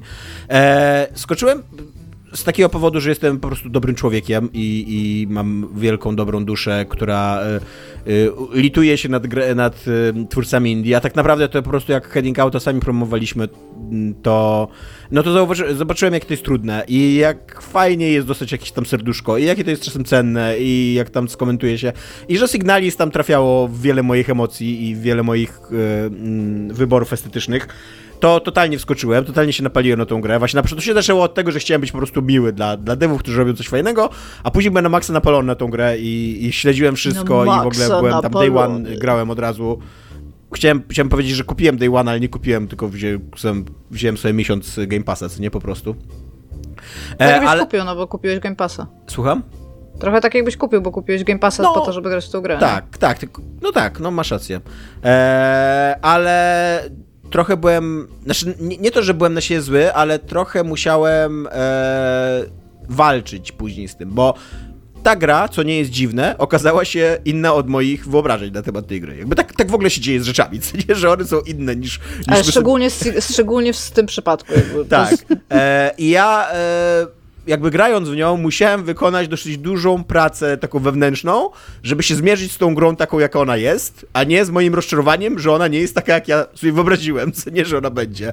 E, więc, e, więc tak, więc jakby rzadko bywam na hype trainach i teraz y, po tym po mam jeszcze trochę taką nauczkę, żeby jeszcze rzadziej, żeby e, no, że to nie jest dobre tak naprawdę dla mnie, co nie dla mnie jako dla człowieka, który chce zagrać tą grę, że lepiej, lepiej żebym w nią zagrał tak normalnie, nie napalając się, nie, nie śledząc, nie będąc jakoś bardzo blisko tych wszystkich newsów i tak dalej, bo i będę, będę po prostu spokojniejszy i jakoś tak mniej emocjonalnie będę do tego podchodził. Um, no a zadam wam teraz takie pytanie, ponieważ ostatnio zwłaszcza, tak zauważyłem, w ostatnich jakichś dwóch, trzech latach bardzo gorące stały się newsy na temat tego, co jest najbardziej wishlistowane na Steamie. Czy was to w ogóle obchodziło kiedykolwiek? Czy kiedykolwiek w ogóle sprawdzaliście takie rzeczy? Nie, ja, mnie też bardzo mało obchodzi. To jest w ogóle taki argument, który mm, moim zdaniem zapisa bardzo, zabija bardzo dużo takich zapowiadających się fajnie dyskusji na temat bardzo licznych aspektów gier, i to jest na przykład mówisz, e, no, że w tej grze e, coś jest fajnie rozwiązane, a ona, ona się nie sprzeda. A w tej grze jest coś gównianie rozwiązane? Nie, ale ona przecież się sprzeda jak ciepłe bułeczki. I jakby to, to jest koniec dyskusji. Jakby ja z, tą, ja z tą osobą już nie jestem w stanie rozmawiać, bo jakby to nie jest... To, czy my fenomenologicznie nie jesteśmy w stanie stwierdzić, czy coś jest dobre, czy nie w jakiejkolwiek grze, nie powinno się wiązać z faktem, czy ona była popularna. Ja mam naprawdę... Wydaje mi się, że pokazuję to po grach, które czasami przynoszę do tego podcastu, Naprawdę mało mnie interesuje, czy gra jest popularna i czy się dobrze sprzedaje, a tym bardziej ilu ludzi mają na wishlistie. Jakby ja wiem, że to jest ważne dla bizdevów. Dla mnie, jako dla gracza i dla dewa, nie jest to w ogóle ważne. Tylko tyle. Dominik? Dla mnie, znaczy ja w ogóle, to jest dla mnie jakiś zupełnie nowy fenomen, yy, który odkrywam dzięki wam tak naprawdę, yy, że, że coś takiego jest, że, że to kogoś obchodzi w ogóle. Ja od lat i od zawsze mówię tutaj, że. Czy wiesz, ja co jest teraz nie... na szczycie już listy, czy nie wiesz? wszystkich wishlist spośród Nie, nie, wishlist? Steamowy wishlist. Jest tylko jedna wishlista. No tak, w sensie, ale wszystkich ludzi, tak? Najbardziej wishlistowana Tak, gra, tak. no. Nie wiem. Twój Starfield, tak? Starfield to się nazywa? Twój Okej. stary, myślałem, że powiesz, bum! Powinienem tak powiedzieć. Totalnie powinienem tak powiedzieć. Ale nie, ale Starfield. Okej. Y, To okej, jakby nie dziwi mnie to jakoś szczególnie, ale to jakby jest taka informacja, która nie mówi totalnie nic. Tam super wielka i reklamowana gra od super wielkiego dewelopera, który wcześniej zrobił Skyrima. Tak jakby tam obviously, znaczy, czyli oczywiście po polsku mówiąc. Y, Tak, ale jak- fakt, że wcześniej ten twój Starfield, właśnie tak jak mówisz, y, konkurował z Son of the Forest i The Day Before, e, to już nie jest takie oczywiste, nie? Nie jest takie oczywiste, ale gówno mnie to obchodzi. E, ja, jak już mówiłem tu wiele razy i mówię to w, jakby w najbardziej pozytywny sposób, w jaki można to powiedzieć i nie mam na myśli nic złego, ale absolutnie nie mam, nie przywiązuję żadnej wartości do opinii graczy. E, Czy to w, recenzji na, w recenzjach na Steamie, czy to w recenzjach na Metacriticu, czy to gdziekolwiek y, one są. Uważam, że to jest gówno, które. przepraszam, że z tego nic. Przepraszam, no, są ludzie, dla których jest to ważne, okej, którzy, dla których jest to jakiś wyznacznik. Okej. Mm, Dla mnie nie jest, ponieważ e, po pierwsze, masa taka ludzka w takiej liczbie, jak są recenzje na Steamie, e, to już jest, to już jest jakieś takie w ogóle taka skala, że jakby trudno mi sobie wyobrazić, żeby to miało jakąkolwiek wartość, jakieś przełożenie na rzeczywistość. To jest bardziej jakieś takie wypośrodkowanie całej masy czynników, które mogą mieć trochę wspólnego z jakością samej gry, a bardzo wiele wspólnego z jakimiś tam sentymentami, oczekiwaniami, y, przemyśleniami, życiem wewnętrznym całego mnóstwa osób. Y, I plus nie cierpię tego, jak są podatne na manipulacje wszelkiego rodzaju y, takie oddolne głosowania, wishlistowania i tak dalej, i tak dalej, więc y, nie lubię. No właśnie, ja bym chciał powiedzieć, że mnie nie dość, że nie interesuje, co jest na wishlistach, znaczy na szczytach wishlist, to jeszcze mam wrażenie, że to jest bardzo szkodliwe takie zainteresowanie, bo... Ja bym chciała zobaczyć, co jest na dole tych wishlist. Czy można to zobaczyć? Jest to szkodliwe, Najmniej- bo tak jak mówi Iga, wiele dobrych gier nie jest popularnych i to nie jest ich wina w ogóle. To nie znaczy, że one są złe e, i że nie należy się nimi interesować, ale też wydawcy, właśnie tak jak tutaj z kolei mówi Dominik, ponieważ mam bardzo mądrych e, współprowadzących i oboje mówią mądre rzeczy, e, że bardzo łatwo, znaczy bardzo łatwo, łatwo można, jest możliwe manipulowanie takimi wishlistami e, i, e, i to jest niefajne, a do tego jeszcze też, nawet nie manipulując, to te wishlisty często mm, służą trochę tak jak Kickstartery do jakiegoś takiego badania rynku, więc de facto czasami się rozmawia o grze, która ma jakąś tam wishlistę, a jeszcze w ogóle wcale nie jest grą. Jest po prostu tylko e, zbiorem jakichś asetów i, i skleconym z tego trailerem na, na pomysł na grę e, i który się po prostu spodobał ludziom i zebrał wishlistę i nagle jest tematem, co nie? A tam literalnie dopiero teraz ktoś podejmuje decyzję o tym, czy ta gra ma powstać, ma być robiona, czy nie, co nie? E, Steam twierdzi, że walczy z takimi zachowaniami. Ja w to trochę nie wierzę, bo nie wiem dlaczego miałoby to być opłacalne dla Steama, żeby z czymś takim walczyć. To jest ich biznes i, em, i nie widzę, żeby, żeby im się to opłacało. E, więc tak, to jest. e, I a e, kończąc już tą dyskusję, mam ostatnie pytanie. E, jak powinna wyglądać Waszym zdaniem taka oddolna indie kampania marketingowa, e, robiona przez devów, bez agencji, bez wydawców, bez właśnie bez kłamstw, bez e, przekrętów? Kiedy powinny wychodzić trailery, jak one powinny wyglądać i tak dalej? E, Ale wszystkie powinny wyglądać jak trailer Prison Architecta. Jak mi o tym przypomniałeś, to ja już jakby, ja już jestem all about that. Pokazujesz dosłownie, co masz w grze, mówisz, tu jest śmieszny bug, popatrz, jaki ten bug jest śmieszny. O, są to alfa. jakby oni, oni, to był tak dobrze zrobiony, tak szczery trailer po prostu. Jakby Był jeszcze jeden taki trailer y, o tych statkach, mm, okrętach, bo mnie znowu będą, będzie tłuszcza poprawiać. D- Leviathan Warships, gdzie pan takim spokojnym głosem mówił, że it's Leviathan Warships. I takie statki powoli pływały i tak, nie kojarzysz tego Iga? Pamiętam, że coś takiego było, no ale jakby Prison Znajdę Architect. ci. Ale tak, Prison grę, Architect, którą tak. masz, w momencie, która ona jest i mówisz Eloszka, jakby mordeczki, mamy taką giereczkę, I jakby i tyle. A tak w ogóle, jak się jest e, indie a, i się chce robić grę, to się nie powinno robić marketingu, bo to jest całkowicie drugi, kurde, etat i można się zajechać i lepiej jest kogoś sobie wynająć do marketingu po prostu. No To tak, jest moje zdanie. tylko nie bo- zawsze jest możliwość, nie?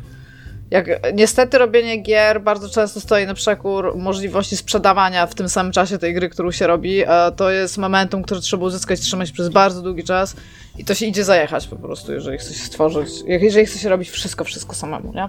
Ale z trzeciej strony jesteś takim Lukasem Pope'em i kurde, jesteś po prostu certyfikowanym geniuszem, wszystko, wszystko czego dotkniesz jest super. Jesteś antytezą sama Barlowa i kurde się daje, nie? Więc... Dominik, jak twoim zdaniem powinna wyglądać dobra kampania marketingowa? Nie mam pojęcia, Tomek. Jakby nie pomogę ci z twoją grą. Musisz sobie sami poradzić.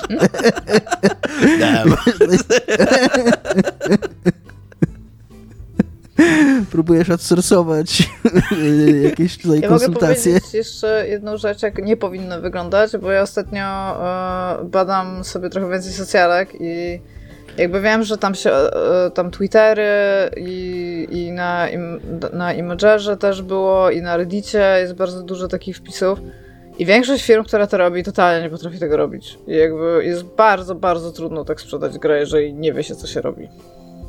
Ale jak? To Przepraszam, jest bo dosyć nie... denerwujące. No na przykład, że na TikToku ktoś poleca jakąś grę, która dopiero wyjdzie, nie? Albo jeżeli ktoś wchodzi na Reddita, albo właśnie Imagera i napiernicza post na temat tego, że Niestety... robią taką i taką grę i jakby to, to, to jest, to, this gets old pretty fast. Trzeba, wie, trzeba znać tę publiczność i wiedzieć, co tam zrobić, bo po prostu tak dużo złego kontentu tam w sensie takiego właśnie, ktoś robi oddolny marketing i centralnie czasami lepiej jest napisać, ej, robię taką grę i dać link, niż w ogóle jakikolwiek, z, nie wiadomo ile screenów tam wrzucać, ten shit i jakby, albo filmików. Znaczy, mi się- Plus są gry, które Problem się taki- nadają do tego i są gry, które się totalnie nadają do takiego marketingowania. Problem jest taki, że każdy chce być viralem. I właśnie tutaj wracamy znowu do Tak. Prison Architect i tego Leviathan Worship, bo to Leviathan Worship też było viralem. To ma tam milion odświeżeń, e, od wyświetleń na YouTubie, e, co na jakąś tam, znaczy nie jest to paradoks to wydało, tak bez przesady, no ale niszowa jakaś strategia o statkach, tak? Okrętach, przepraszam. E, I, I każdy chce zrobić takiego virala, ale kurna nie ma przepisu, jak zrobić takiego virala. Nie ma instrukcji. Nie powiem ci, Tomek, jak zrobić takiego virala. Tak? Zróbcie virala, no. E, nie, ja uważam, że takim podstawowym problemem e, ludzi robiących oddolny marketing jest to, że nie robią tego marketingu do ludzi, którzy kupią ich gry, tylko robią ten marketing do innych twórców gier. Jakby, że e, to jest takie środowisko, które tam się przenika, są te konta, które się tam lajkują nawzajem i tak dalej i jest bardzo duża, bardzo duża chęć i to przy okazji też jest łatwiejsze, nie? Żeby pochwalić się ludziom, którzy robią coś podobnego zawodowo do ciebie i, i pokazać, jaką fajną rzecz ty robisz i tak dalej, nie? Bardzo często ludzie, którzy kupują twoją grę, to po prostu nie interesuje. To w ogóle nie jest ciekawe dla nich, nie? Więc y, ja mam tylko taki, nie wiem... Jak sobie Prison Architecta Wiesz co, ja y, to ja ci powiem, to było, taki do, to było taka dobra. To ja ci powiem, że tak jak Dominik mówi, że bardzo trudno jest zrobić virala, ja ci powiem, że bardzo trudno jest zrobić dowcipny y, trailer. Jakby nie urągając nikomu, nie, niewielu ludzi ma poczucie humoru, a trzeba mieć zajebiste poczucie humoru i jeszcze być świadomym tego poczucia humoru u siebie, żeby zrobić taki trailer jak Prison Architect, co nie? To Jakby... jest bardzo, ale naprawdę, kurde, przypomnieliście mi o tym i bardzo wam za to dziękuję. To jest miłe wspomnienie z mojego życia, że byłam w stanie to zobaczyć i się chichrać po prostu przy biurku w tym. I tam, i tam oni pokazują takiego baga, że więźniowie mają śrubokręt chyba zamiast głowy, tak? Czy coś takiego. I że tam, why does it, why does it happen? We don't know. It's, I, tam, it's an alpha. tak, I taki, y, jako taki feature, Game Breaking Box! Tak. Super to było. E, dobra, i na tym kończymy naszą dyskusję na temat marketingu gierkowego i trailerów innych takich. Pytacie się mnie, co jest grane. E, więc Tak. u mnie grana, był, grany był komiks przede wszystkim własnym głosem Her Story aborcyjne. To jest y, projekt y, kickstarterowy, który miał wyjść w październiku czy listopadzie zaliczył dosyć, dużą, dosyć duży pościsk, ale w końcu wyszedł. E, I właśnie zbiera komiksy opowiadające, komiksy robione przez kobiety, opowiadające kobiece historie, doświadczenia z aborcją w Polsce. E, więc jest cały przekrój takich historii od bardzo traumatycznych, które się dzieją w państwie, które nie działa, wśród ludzi, którzy są bardzo agresywni wobec praw kobiet, e, po takie historie właśnie mówiące też, że nie zawsze tak bywa, że czasem te doświadczenia są e, łagodniejsze, lepsze, że da się to zrobić w ludzkich warunkach, zazwyczaj za granicą po prostu, da się to zrobić w ludzkich warunkach. E, jest też historia, bo jakby, tak żeby pokazać jakby cały przekrój przez te tematy, całe, całe takie spektrum, to też jest historia kobiety, która e, w końcu nie, nie, nie, nie, nie przeszła aborcji e, i no i jej życie potoczyło się tak, że no jest, tutaj, jest takie pytanie, czy, czy, czy ona tego żałuje, czy nie. E, pewnie to jest, pewnie to jest y, pytanie, na które tylko ona potrafi odpowiedzieć. E, co mnie bardzo zaskoczyło w takim komiksie, bo zazwyczaj w takich um, antologiach komiksowych, które powstają ze zbiórek no zazwyczaj to jest taki dosyć przypadkowy zbiór artystów, moim zdaniem, i ciężko jest gwarantować jakość, nie? To, co mnie, to, co mnie autentycznie zaskoczyło, to to, to, to że to są dobre komiksy i, i dobrze się to czyta. E, I jest tutaj cała masa naprawdę dobrych autorek polskich, e, które sobie radzą z narracją komiksową, które wiedzą jak kadrować, e, które czasami robią takie bardzo interesujące rzeczy narracyjnie, jakby komiksowo. Zwłaszcza jest taki komiks, już szukam autorski, autorki, Hani Oloś, który jest de facto taką jakby trochę opowieścią graficzną, nie jest takim klasycznym mm, komiksem, tylko taką zabawą, kompozycją strony z tekstem i e, no opowiadających historię i jest, jest to super zrobione. Ja zazwyczaj nie lubię takich eksperymentów, ale tutaj to działa super, ale to są bardzo klasyczne komiksy, na przykład An Anna Krztoń bardzo w swoim stylu taką historię e, przedstawia. Więc jeżeli byście chcieli. Są to historie oczywiście, które mówią nam kilka rzeczy na temat e, naszego kraju. Te wszystkie rzeczy są negatywne, e, więc jeżeli byście chcieli przeczytać kilka ciężkich, a kilka nieciężkich historii, to ja ten komiks bardzo polecam. To jest, to jest kawał dobrego, kawał dobrej historii pokazujący takie doświadczenie, które jest na maksa wyciszane i wypierane z debaty, nie? E, a powinno totalnie być. E, a do tego, tak jak mówię, to nie, są, to, to nie są takie socrealistyczne komiksy na zdany temat, które nie radzą sobie artystycznie, ale bronią się tematem. To są autentycznie dobre, dobre komiksowe historie, zazwyczaj dobrze narysowane, fajnie skomponowane, umiejętnie skadrowane i tak dalej. Więc czytanie tego mi sprawiało sporą frajdę. E, I no i mówię, i, i, i mi się podobało i, i polecam. Natomiast tak z Giereszkowa to grałem ostatnio w gierkę, która się nazywa Stories Untold, która też jest w ogóle antologią e, opowieści grozy tym razem.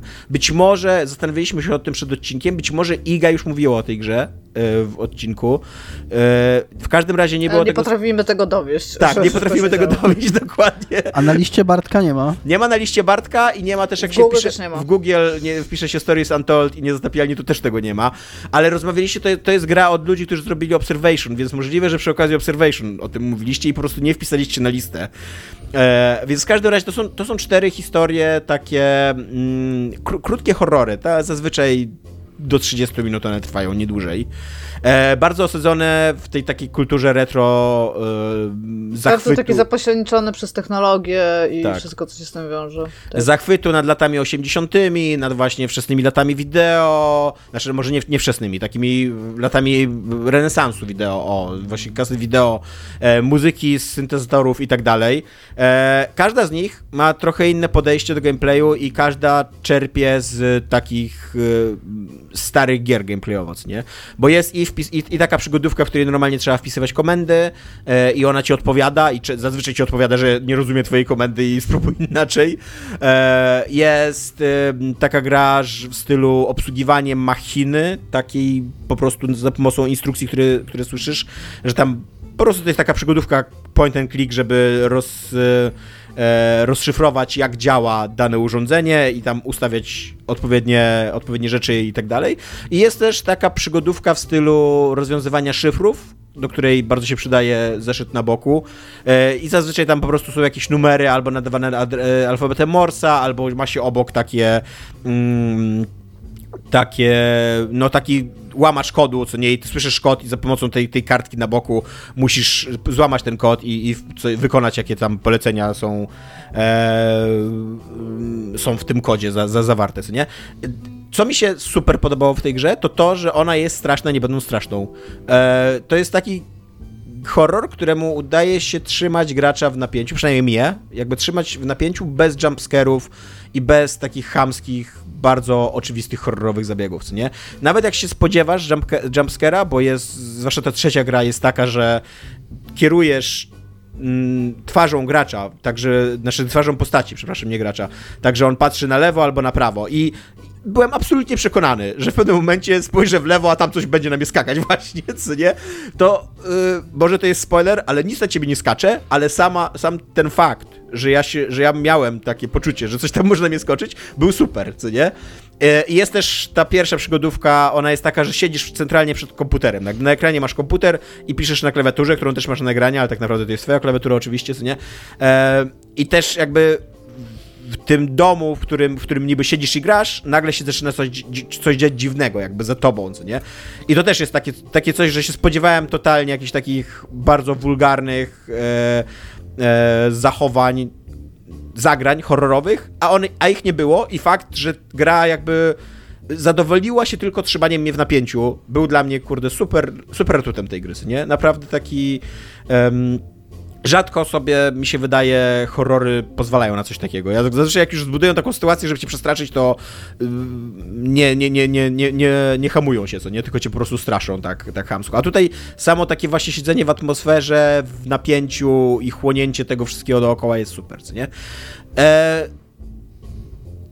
te y, dosyć szybko się, się można domyślić, że te historie są w jakiś sposób powiązane i one są w tym czwartym epizodzie powiązane i jest to spoko. Jakby nie jest to arcydzieło, fabularne i, i narracyjne, ale, je, ale spina się to jakoś tam. E, jest spoko to odkrycie i też jest dosyć spuki tam, jak to odkrywasz i e, jak się dowiadujesz o co chodzi w, w, całej, tej, w całej tej konstrukcji.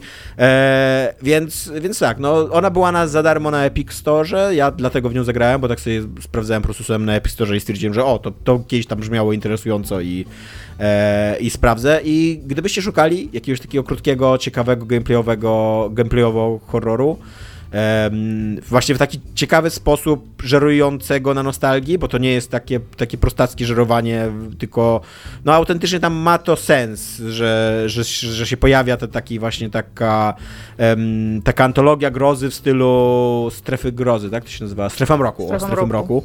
E, więc to ma sens i fabularnie, i estetycznie, i e, więc gdybyście czegoś takiego szukali, to, to tak, to super jest ta gra. Ona ma kilka takich małych problemów, technicznych. Na przykład te komendy, które się wpisuje, to, to akurat jest zgodne z doświadczeniem moim, z moim wspomnieniem o tych grach, ale te komendy, które się wpisują, muszą być czasem bardzo specyficzne.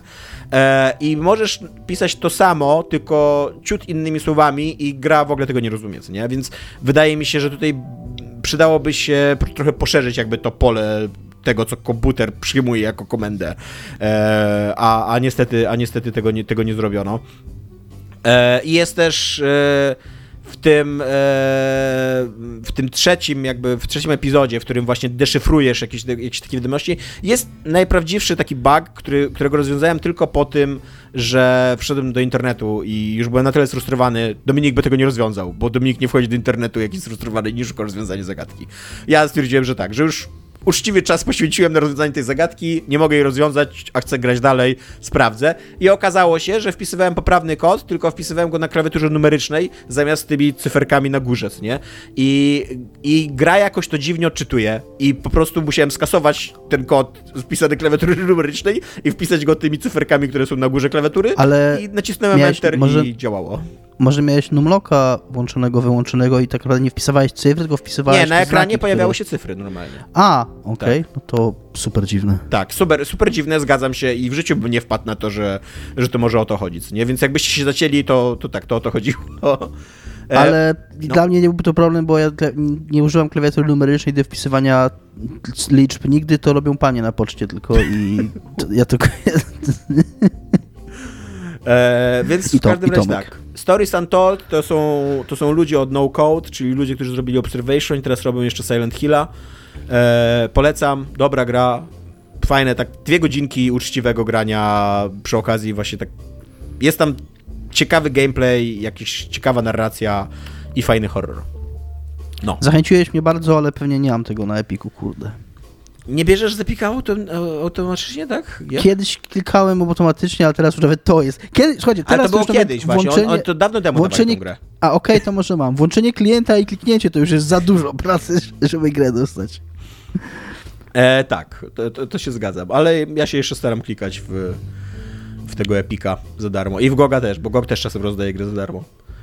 E, I tyle mamy na dzisiaj w odcinku. Mamy na końcu jeszcze klasyczną ses, y, sekcję y, patronatową, więc y, dziękujemy Mafinkowi, Michałowi, Michałowi i Tomkowi za wsparcie nas na Patronajcie na najwyższym poziomie. Pamiętajcie, że mamy tego Patronite'a, jeżeli nas wspieracie to super, jeżeli nas nie wspieracie to też super, niczego nie będziemy chować za paywallem, obojętnie jak bardzo byście chcieli, to nie będziemy tego robić. E, jeszcze Czekaj, mieliśmy schować e, paywalla za contentem, z tego co pamiętam, więc... Tak. I jeszcze e, mamy sekcję komentarza, taką napra- na, na, naprawdę krótką, e, ponieważ ktoś się zapytał, e, jakiś użytkownik Dafug, e, Dafuki, e, bo to jest Q na końcu, e, zapytał się... The, fu- the fuck chyba po The prostu, fuck. tak? Dafu? The fuck. D-A-F-U-Q. Da fuck? Tak, czyli tak jak the, The fuck, fuck. no.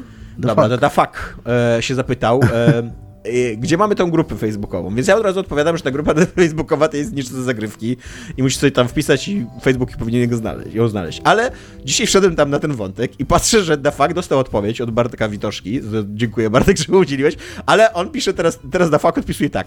Gruba mi się nie wyświetla. Na pewno nie zostałem zablokowana, nie wyrzucony, sam puściłem grupę. W ogóle się na niej nie udzielałem, więc nie wiem o co chodzi. Po prostu chcecie mieć mniejsze grono fanów. Tak jest, the fuck. Odkryłeś też spisek. Jakby nie jest tajemnicą, że Facebook ma problemy finansowe, więc my z Patronite'a opłaciliśmy Zuckerberga, żebyś ty w wyszukiwarce facebookowej nie mógł znaleźć naszej grupy, która dla wszystkich innych jest dostępna, tylko dla ciebie nie jest. więc nie, nie jest to Zapraszamy wina. wszystkim na, te, na tę grupę, ale trzeba się tam ładnie zachowywać. Tak, nie mamy pojęcia, Tak, dlaczego jeżeli- jej nie znalazłeś w wyszukiwarce. No to nie, to, to Facebook nie jest nasz. Może to być Tak, zaskoczenie dokładnie. dla ludzi, ale Facebook nie jest nasz. Tak samo jak Spotify nie jest nasz. Też jak odcinki się pojawiają za Kurde. późno na Spotify, to nie, to nie jest wina. Zapominam o tym, że Spotify nie jest nasze. Tak, no. Jest to taka drobna upierdliwość życiowa, że nie posiadamy Spotify'a i Facebooka. e, więc tak, nieczyste zagrywki, przyjmiemy cię. Je- Jeżeli znajdziesz tę grupę i klikniesz tam, żebyś dołączył, to my cię przyjmiemy, bo my wszystkich przyjmujemy z biegu. Jakby dopiero jak sobie zasłużysz na to, żebyśmy cię wwalili, to cię wwalimy. Ale tak na wstępie cię przyjmiemy i tyle, nie? No i tyle. Pa. Pa.